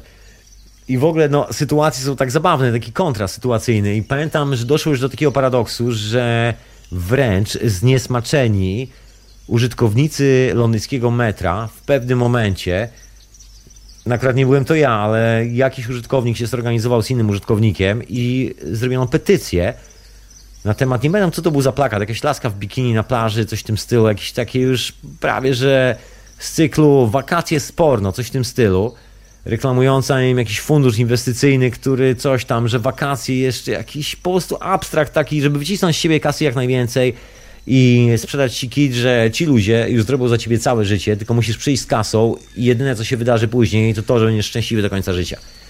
Nie wiadomo jak, musisz zapłacić im dużą kasę, najlepiej jakbyś płacił im miesięcznie, wtedy będziesz jeszcze bardziej szczęśliwszy. W każdym razie ci ludzie się zbuntowali, zrobili jakąś petycję, petycja poszła w tłum, tłum pochwycił petycję, ja byłem w tym tłumie i też gdzieś tam ją w internecie kliknąłem, że okej, okay, bo to już była taka jazda naprawdę mocno niesmaczna. Słuchaj, no stoisz sobie, no wiesz gdzie stoisz, wiesz jak wygląda życie, to jest miasto, no ja akurat nie byłem akurat w tej grupie Working Poor specjalnie, szczęśliwie się załapałem na troszkę tak zwaną klasę średnią, ale pozostawiając te niuanse z, z, ze współczesnym rasizmem ekonomicznym, Prawda jest taka, że tutaj większość jest working poor, czyli po wypłacie, jak zapłacisz czynsz, to nie za bardzo jest. Nawet jeżeli masz porządną robotę i zarabiasz porządną kasę, wtedy mieszkasz bliżej pracy, wtedy płacisz dwa razy więcej albo trzy razy więcej za chatę. Niby za dojazdy płacisz mniej, ale z kolei na innych rzeczach po prostu polegasz, bo wszystkie zakupy dookoła kosztują fortunę i tak dalej, i tak dalej. Generalnie sprawa się rozciąga, robi się coraz bardziej skomplikowana. Efekt jest taki na końcu, że robisz tyle samo albo dwa razy więcej niż wcześniej. Właściwie często dwa razy więcej, bo zostajesz na nadgodziny, bo masz blisko do pracy, także już się nie śpieszysz do domu, a szef dobrze widzi nadgodzinę. Kasy niewiele więcej z tego jest, a życia już w ogóle nie ma. I właściwie jak nagle porównasz, to się okazuje, że w ogóle nie masz kasy, bo ten styl życia wymaga od ciebie wydawania fortuny na utrzymanie się przy życiu, żeby nie zwariować w tym wszystkim.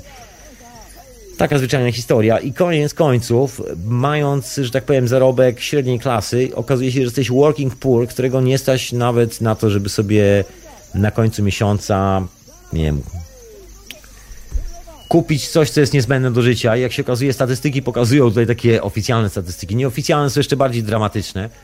I jak się okaże coś takiemu człowiekowi, który niby wszystko jest ok, niby jakby już wszystko w tym standardzie się trzyma, coś walnie, to przecież nie ma nawet na, na prostą obsługę medyczną na koniec miesiąca, żeby cokolwiek się stało. Dobrze jest NHS, także nie, szczęśliwie już nam z podatków zabrali. Także działa to w ten sposób, ale ja tu zostawię te wszystkie kwestie finansowe, ekonomiczne, bo to jakby nie o to chodzi. Tu chodzi o tą siłę relaksu przede wszystkim, o to, że jest grupa ludzi, której odebrano jakiekolwiek szanse na relaks, zrobiono im obóz koncentracyjny przymusowej pracy za kredyt. No i w ramach jakby motywacji, czyli metody marchewki i kija, a pokazuje im się reklamy cudownego życia, gdzie ludzie w bikini, w, w kąpielówkach biegają po plaży i nikt nie ma w ręku portfela ani telefonu komórkowego. Telefon jeszcze może ma, ktoś zadowolony rozmawia z przyjacielem na drugim końcu świata, ale wiadomo, że nie ma portfela przy sobie, bo widać, bo stoi na plaży. Kto na plaży ma portfel w, w kąpielówkach? Nikt. To w ogóle o to chodzi, żeby tak pokazać cały świat, że jest taki super. No i ludzie generalnie, część z nas, no ludzie, ludzie jak ludzie, no ja akurat nie za bardzo należę do tej części, ale jest taka część, która próbuje odreagować w ten sposób i tak e, reaguje i wyrusza na takie wyprawy, skapady w to i w tamto, w to i w tamto, wracając tutaj z powrotem, zaciągając kolejny kredyt. Mam takich znajomych, dobrych znajomych, bardzo fantastyczni ludzie, świetni, ale po prostu znowu sobie wymyślili jakiś kredyt y, i, i robią karierę. Nie no, bardzo dobrze, bardzo dobrze. Niech robią karierę, wszystko jest ok. Ale mówiąc szczerze, od momentu, kiedy zaczęli robić karierę, wymyślili sobie kolejny kredyt. Ja, ja myślę, że jeżeli życie towarzyskie jest absolutnie ok, to, to się niewiele zmieniło. To tylko w tej okolicy zaczęli się rzadziej pojawiać, bo już gdzie indziej jest, e, że tak powiem, bliżej. I nagle widać, jak relacje towarzyskie, jak relacje znajomości, ulegają pewnym transformacjom i to nie pod wpływem jakichś czynników, warunków naturalnych, bo ten cały, to całe środowisko, w którym mieszkamy, wcale nie ma nic wspólnego z czynnikami naturalnymi. To jest, to jest symulacja. Nagle się okazuje, że kawał naszego życia, które jest naprawdę bardzo fajne, bo my się lubimy spotkać, tylko już nie mamy niestety czasu, żeby się y, na takim luzaku spotykać. Też inna sprawa, że często się zdarza, że ciężko już być na takim luzaku każdemu z nas. Znaczy, może mi akurat najłatwiej z tego całego towarzystwa, ale ale nie każdemu już ten luz, że tak powiem, e, siedzi w głowie tak, e, że tak powiem, wytrwale. Niektórym ten luz troszeczkę został e, odparowany z głowy przez te czynniki, które tworzą tą symulację rzeczywistości dookoła. No i myślę, że to jest taka rzecz, którą każdy z nas traci, bo to no jest taka normalna historia, która spotyka wielu z nas. To nie jest jakaś tam zjawiskowa historia, nie znaczy o tym, że ludzie są źli, zwariowali i już tylko pobiegli za kasą. Nie no, każdy chce zrealizować swoje marzenie życiowe, każdy chce dotknąć pewnego pomysłu w materii, który gdzieś tam mu się, że tak elegancko powiem, ekstrapoluje w głowie, czy gdzieś tam mu dorasta w głowie, się nam mieli, mieli, mieli, chciałby zobaczyć to w praktyce. Jasna sprawa, wcale nie mam absolutnie do nikogo to pretensji, sam robię dokładnie to samo, realizuję swoje pomysły w materii, w praktyce, bo jest to naprawdę niesamowita zabawa. Tylko, że czasami do realizacji tych pomysłów trzeba, trzeba troszeczkę ugiąć karku i to ugięcie karku powoduje, że no staje się częścią tej symulacji, taki użytkownik tej symulacji, to na tyle, że no sieje to, że tak powiem, po relacjach towarzyskich, sieje to po relacjach społecznych, tak tworzy to taką dysfunkcyjną sytuację, bym powiedział, zawsze towarzyską, że nie ma czasu, że coś tam, że coś tam, że chciałoby się, ale już nie można, zaczyna się czasami wymyślanie, że a, to już nie można, zaczyna się to robić rutyną w pewnym momencie i ta rutyna zaczyna przejmować troszeczkę nasze życie. Dzieją się takie różne sprawy. Ja szczęśliwie staram się wyskakiwać z tego, jak tylko mogę. Nie wiem, na ile szczęśliwie, na ile nie. To już musiałbym, że tak powiem, wyjść z własnej skóry i spojrzeć na siebie z zewnątrz, na ile skutecznie mi się udaje to robić. W każdym razie nie jest to istotne na tyle, na ile skutecznie, bo i tak nie namawiam cię do robienia czegoś takiego. To jest moja własna decyzja. Ja powiem Ci szczerze, że według mojego własnego oglądu robię to po prostu doskonale, człowieku. Jestem naprawdę szczęśliwy z tego i nie mam z tym absolutnie żadnego problemu. Moim zdaniem mam to, czego chcę. I o to mi w tym, w tym wszystkim chodzi. I jakoś tak się okazało, że zupełnie ta jakby linia polaryzacji gdzieś tam zniknęła, taka linia polaryzacji, że gdzieś trzeba wystrzelić jak korek od szampana w jakąś sytuację. Właściwie się okazuje, że nie ma takiej sytuacji, jeżeli jest relaks dookoła.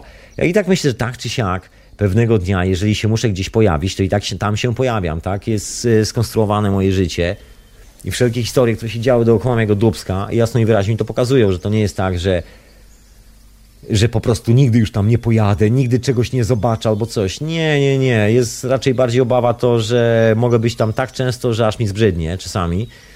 Także nie jest to kwestią miejsca. Właściwie w pewnym momencie też zacząłem troszkę inaczej podchodzić do kwestii relaksu i zauważać troszkę inną percepcję w tym wszystkim. Właśnie tą percepcję związaną z polem grawitacyjno-magnetycznym.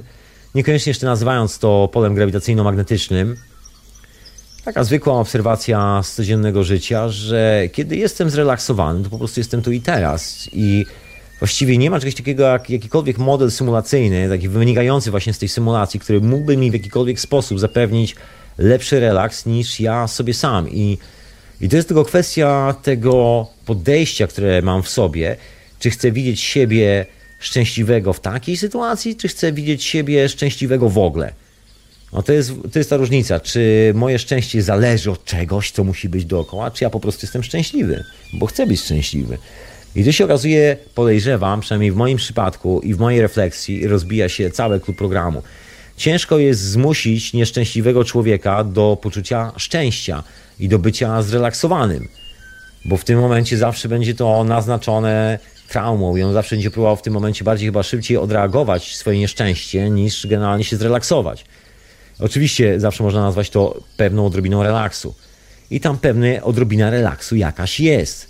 Myślę, że dzięki temu jeszcze żyjemy na tej planecie, że niektórzy ludzie, którzy mają potężne środki militarne i potężne środki ekonomiczne, jeszcze, jeszcze gdzieś tam czasami, jeszcze gdzieś tam czasami przypadkiem, zamiast wykonać jakiś szalony manewr i wysadzić w powietrze połowę świata, to może poczuli się zmęczeni tym nic nie robieniem i postanowili wyjść może na spacer gdzieś do swojego prywatnego parku który jest tylko i wyłącznie na ich własny kluczyk zamykany, tak żeby nikt ich nie widział, jak oni spacerują, bo oni muszą mieć spokój. Tu nie może być żadnego przypadkowego człowieka. Oni muszą kontrolować każdą sytuację, a wiadomo, że człowiek żyje na planecie Ziemia, po której porusza się milion innych istot. Jedyną opcją na kontrolowanie sytuacji jest zamknięcie się i odizolowanie od tych wszystkich miliona istot. No może jeszcze ptaki lisy, jakieś koniki, zwierzątka i służba, która się zajmuje tym wszystkim, mogą być jeszcze akceptowane, bo zwierzęta po prostu nie mówią. Zwierzę nie podejdzie nie do właściciela takiej posiadłości, nie powie ty pieprzony kutasie, na przykład. Nie zrobi takiego numeru. Natomiast zbuntowany pracownik w pewnym momencie może wykonać taką rewoltę no i na datek jeszcze szczęśliwie się okazuje, że są ludzie, którzy obsługują te wszystkie rzeczy, także będąc właścicielem, właściwie i tak się tego wszystkiego nie dotyka, się tylko właścicielem. I właściwie jest się właścicielem poczucia, poczucia pewnego, no właśnie, bardzo dziwnego stanu umysłu, że kontroluje się cały świat. Bo ta eugenika, od której zacząłem, właściwie przeistoczyła się dokładnie w troszeczkę nowsze szatki i nazywa się teraz genetyka. I teraz jest taki pomysł, żeby stworzyć sobie takie rośliny i zwierzęta, i nawet takiego człowieka stworzyć, którego już nie trzeba będzie, że tak powiem, specjalnie obsługiwać, który już sam się obsłuży za pomocą jakichś tam maszyn, które musi nam dostarczy, sam na siebie zarobi, w sensie, bo to nie jest też zarobi na siebie, na swoje utrzymanie, on zarobi na utrzymanie swoich panów, jeżeli będzie w pełni sztuczny, to na pewno będzie w pełni kontrolowalny. Więc jeżeli będzie w pełni kontrolowalny, no to wiadomo, że się raczej nam tutaj nie zbuntuje, a jeżeli się nie zbuntuje, no to, to wszystko jest ok. To o to chodzi. To wtedy mamy zapewniony nasz komfort, naszą kontrolę sytuacji, bo to my panujemy nad tym, czy wydarza się burza, czy świeci słońce. No może nie do końca, ale, ale przynajmniej panujemy nad tym, kto przychodzi dzisiaj do roboty, a kto do roboty do nas nie przychodzi i kto dzięki temu funkcjonuje, jak to nie funkcjonuje. Normalne jest to, że, że w ogóle rozmawiamy o jakiej absurdalnej sytuacji, która się w ogóle nie powinna istnieć, bo to jest fenomen, żeby człowiek, którego nie stać na to, żeby ogarnąć, że tak powiem, własne dubsko fizycznie, zajmował fizycznie tak potężne zasoby. To jest po prostu insane. tak zwyczajnie, czyli po prostu nie ma żadnej, żadnego uzasadnienia, żeby człowiek, który i tak nie jest w stanie zjeść nawet dużego jednego obiadu, zamawiał dla siebie 30 obiadów. Wiadomo, że te 29 zostanie zniszczonych, ale ktoś musi te obiady wykonać, jakaś praca zostanie włożona. To jest takie troszkę dziwne, że nikt nie, nie szacuje cudzego czasu. Ale to jest właśnie ta siła braku relaksu, podejrzewam. To jest właśnie to, co wynika z braku relaksu. To jest ta napinka, że wszyscy muszą być wiecznie w robocie i każdy musi zasuwać. Nawet jeżeli nie ma to żadnego sensu, bo nie ma to żadnego sensu, to wszyscy święcie starają się w tej sytuacji uwierzyć w to, że to jakiś sens ma. Nawet sobie ludzie wymyślają tytuły do tego specjalne, że on już nie jest człowiekiem, tylko on już jest utytułowanym człowiekiem, czy to uniwersytecko, czy jakikolwiek inny sposób.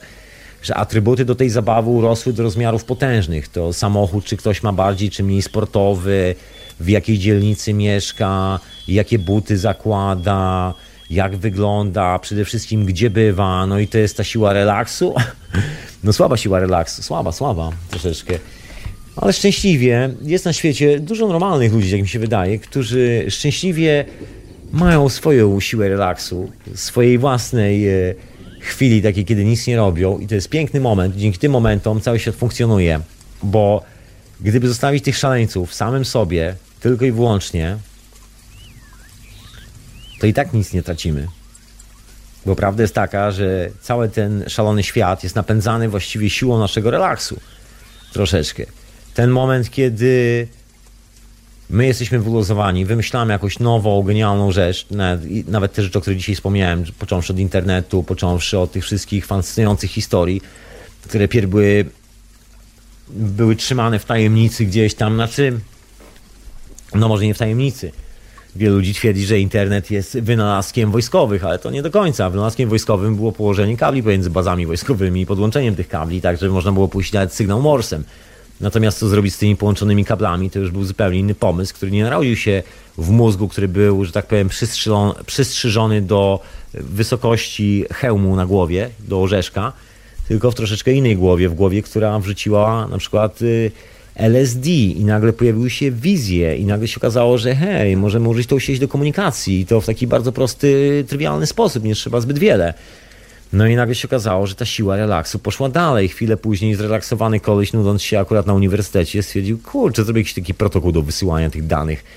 No i chłopak z drugim chłopakiem gdzieś tam na drugim końcu świata sobie napisali kawałek, a żeby łatwiej było sobie zdjęcie wysłać na przykład. I się okazało, że siła komunikacji dotarła i do nas bo słyszysz mnie, człowieku, zupełnie, zupełnie z tego powodu. Otóż to, dokładnie z tego powodu nie słyszysz. Właśnie te urządzenia, ta technologia, a jeszcze przed nami masa innych rzeczy. I myślę, że dobrze jest się relaksować, bo jeżeli będziemy dobrze zrelaksowani, to szybciej w naszej okolicy pojawi się ta zdrowa technologia, a nie toksyczna technologia. Szybciej w naszej okolicy pojawią się normalne relacje z ludźmi i nie będzie takiej historii, że nagle gdzieś nasze przyjaźnie się będą troszeczkę ucinały, bo się okaże, że ktoś musi spłacić kredyt, że ktoś musi zarobić na coś, ty musisz zrobić coś, ja muszę zrobić coś.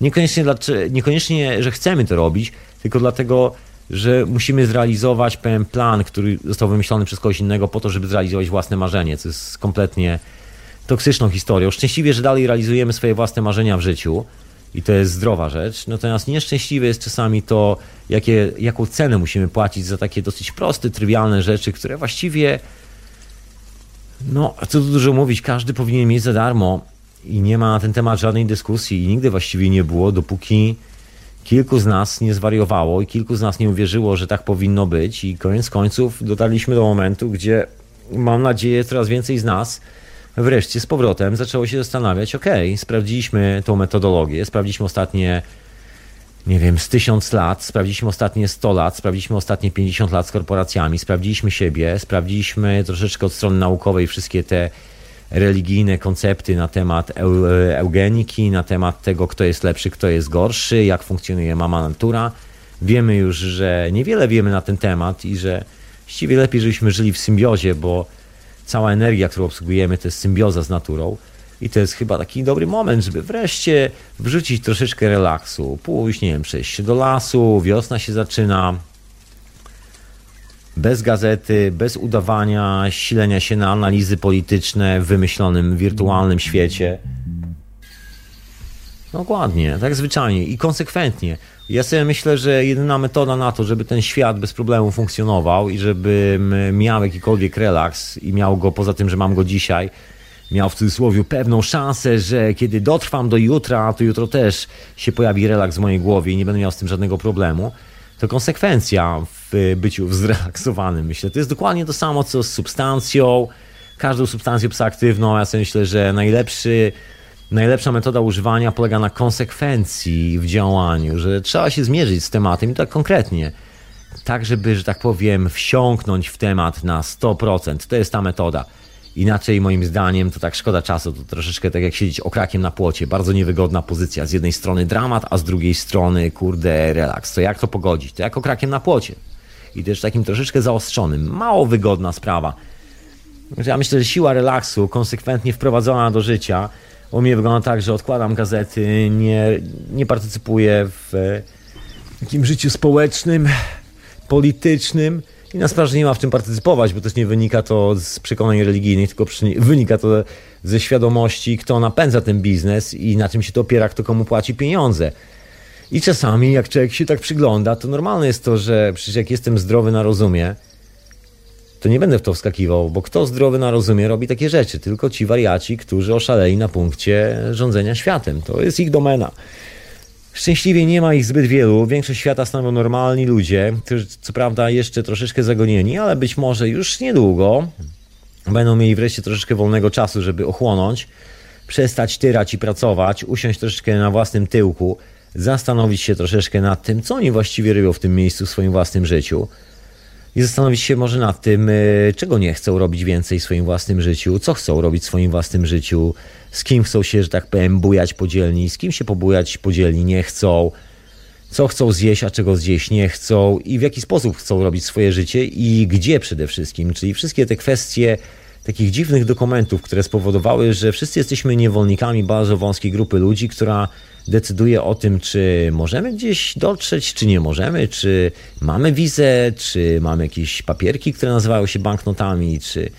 No, więc taki bardzo egzotyczny pomysł, w który niektórzy z nas uwierzyli. I myślę, że dobry czas, taki początek nowego wieku, żeby skończyć troszeczkę z tą iluzją. Inna sprawa, że tak jak wspominałem, ściwie nie pozostało już nic z tej iluzji, ani grama, nawet w odniesieniu do akademickiej nauki.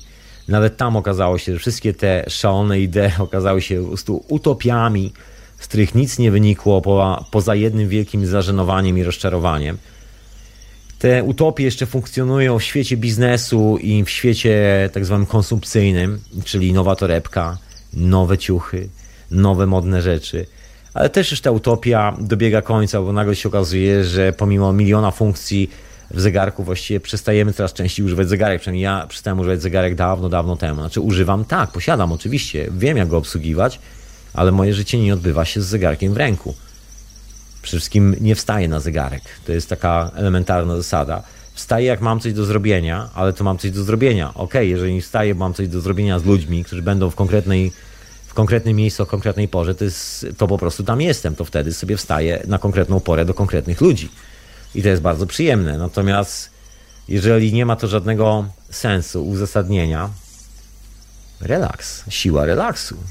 Człowieku, wyciągnąć się, przyciągnąć, pomyśleć sobie swoje i jak pomyślisz swoje, to może się okaże, że będziesz kolejnym geniuszem na tej planecie, który przyniesie mi kilka takich ciekawych odkryć, że kurczę blade, no będę miał jeszcze większe poczucie relaksu. Albo może w drugą stronę, może ja pomogę Ci w jakiś sposób z poczuciem relaksu, a może po prostu kiedy poczujemy się zrelaksowani, bo ty jesteś zrelaksowany i ty jesteś zrelaksowana i ja jestem zrelaksowany, to może ten nasz relaks będzie jeszcze fajniejszy i przyniesie jeszcze ciekawsze pomysły. Otóż to, także człowieku, relaksu ci życzę w tym e, czasie końca historii. Dużo relaksu i sobie też życzę dużo relaksu. Także zrelaksowanym krokiem oddałam się z tej hiperprzestrzeni bardzo zrelaksowany i tak się zrelaksowaliście, drodzy słuchacze, i ci na czacie, i ty człowiek, o którym mnie tu słuchasz, że nawet nikt nie zadzwonił, nikt się nie odezwał słowem. I bardzo dobrze, trochę relaksu się każdemu należy, człowieku. To co? To ja kończę tą historię na dzisiaj i znikam się porelaksować jeszcze przez parę chwil na wieczorowej porze w Radiu na Fali. Zatem dziękuję za słuchanie kolejnego odcinka Hiperprzestrzeni. W Radiu na Fali oczywiście. Za chwilę naprawdę uzupełnię to całe archiwum, tam troszkę już się zebrało, dużo się zebrało, ale spoko, będzie dużo słuchania. Pozdrawiam Radio Paranormalium, które retransmituje radio na fali w, w sensie hiperprzestrzeń. Pozdrawiam też Radio Dreamtime Grzegorza. I pozdrawiam Ciebie, mecenasie i mecenasko. Bardzo serdecznie. Za chwilę, za chwilę uzupełnię wszelkie dane, ale to jeszcze się poobijam troszeczkę. Jeszcze się trochę poobijam. Nie ma tak lekko. jest takie powiedzonko o życiu lekko, ale to już zostawię e, księciu, książę z ekspertem od tego powiedzonka, ja zawsze przykręcam, także nawet nie będę Nie, przypomniałem sobie, ciężko jest żyć lekko. To jest ciężka decyzja w życiu, którą trzeba dokonać, żeby wreszcie wyluzować. Ale myślę, że to dobra decyzja. Że jeżeli jeszcze jesteś przed, to mówię ci, nie ma się czego bać, a jeżeli jesteś już po, to pozdrawiam serdecznie i życzę jeszcze większego i jeszcze bardziej udanego relaksu w życiu. Ja przy okazji właśnie zapraszam tam do archiwum Radia na Fali, do tego co tam jest, na Facebooka Radia na Fali. Przypominam, że Radio na Fali wspiera, wspiera Fundację Kesze, wspieramy całą ludzkość, wspieramy siebie nawzajem. Urządzenie działa, wszystko działa w tej technologii, także nie ma żadnego problemu. Jeżeli chcesz się nauczyć co i jak dowiedzieć z tą technologią, jest prosta jak schemat CEPA. Zapraszam Cię w czwartek na 22.30 polskiego czasu do Radia na Fali. Tam y, w syntezie opowiadam o tej technologii. Także zapraszam Cię, człowieku, żeby się tam pojawił, bo naprawdę nie musisz już płacić rachunków za prąd, nie musisz płacić rachunków za benzynę do samochodu. Możesz troszkę wrzucić na luz, możesz trochę wrzucić na relaks. Trochę pracy, żeby zbudować te urządzenia i trochę więcej relaksu. I nagle się okaże, że ta siła relaksu, no, no coś może zmienić w Twoim życiu. Więcej czasu, czasu dla dzieci, więcej czasu dla rodziny, więcej czasu dla przyjaciół, więcej czasu dla siebie przede wszystkim. A to już jest bardzo dużo. To ja znikam sobie, się relaksować w wieczorowej porze w radiu na fali.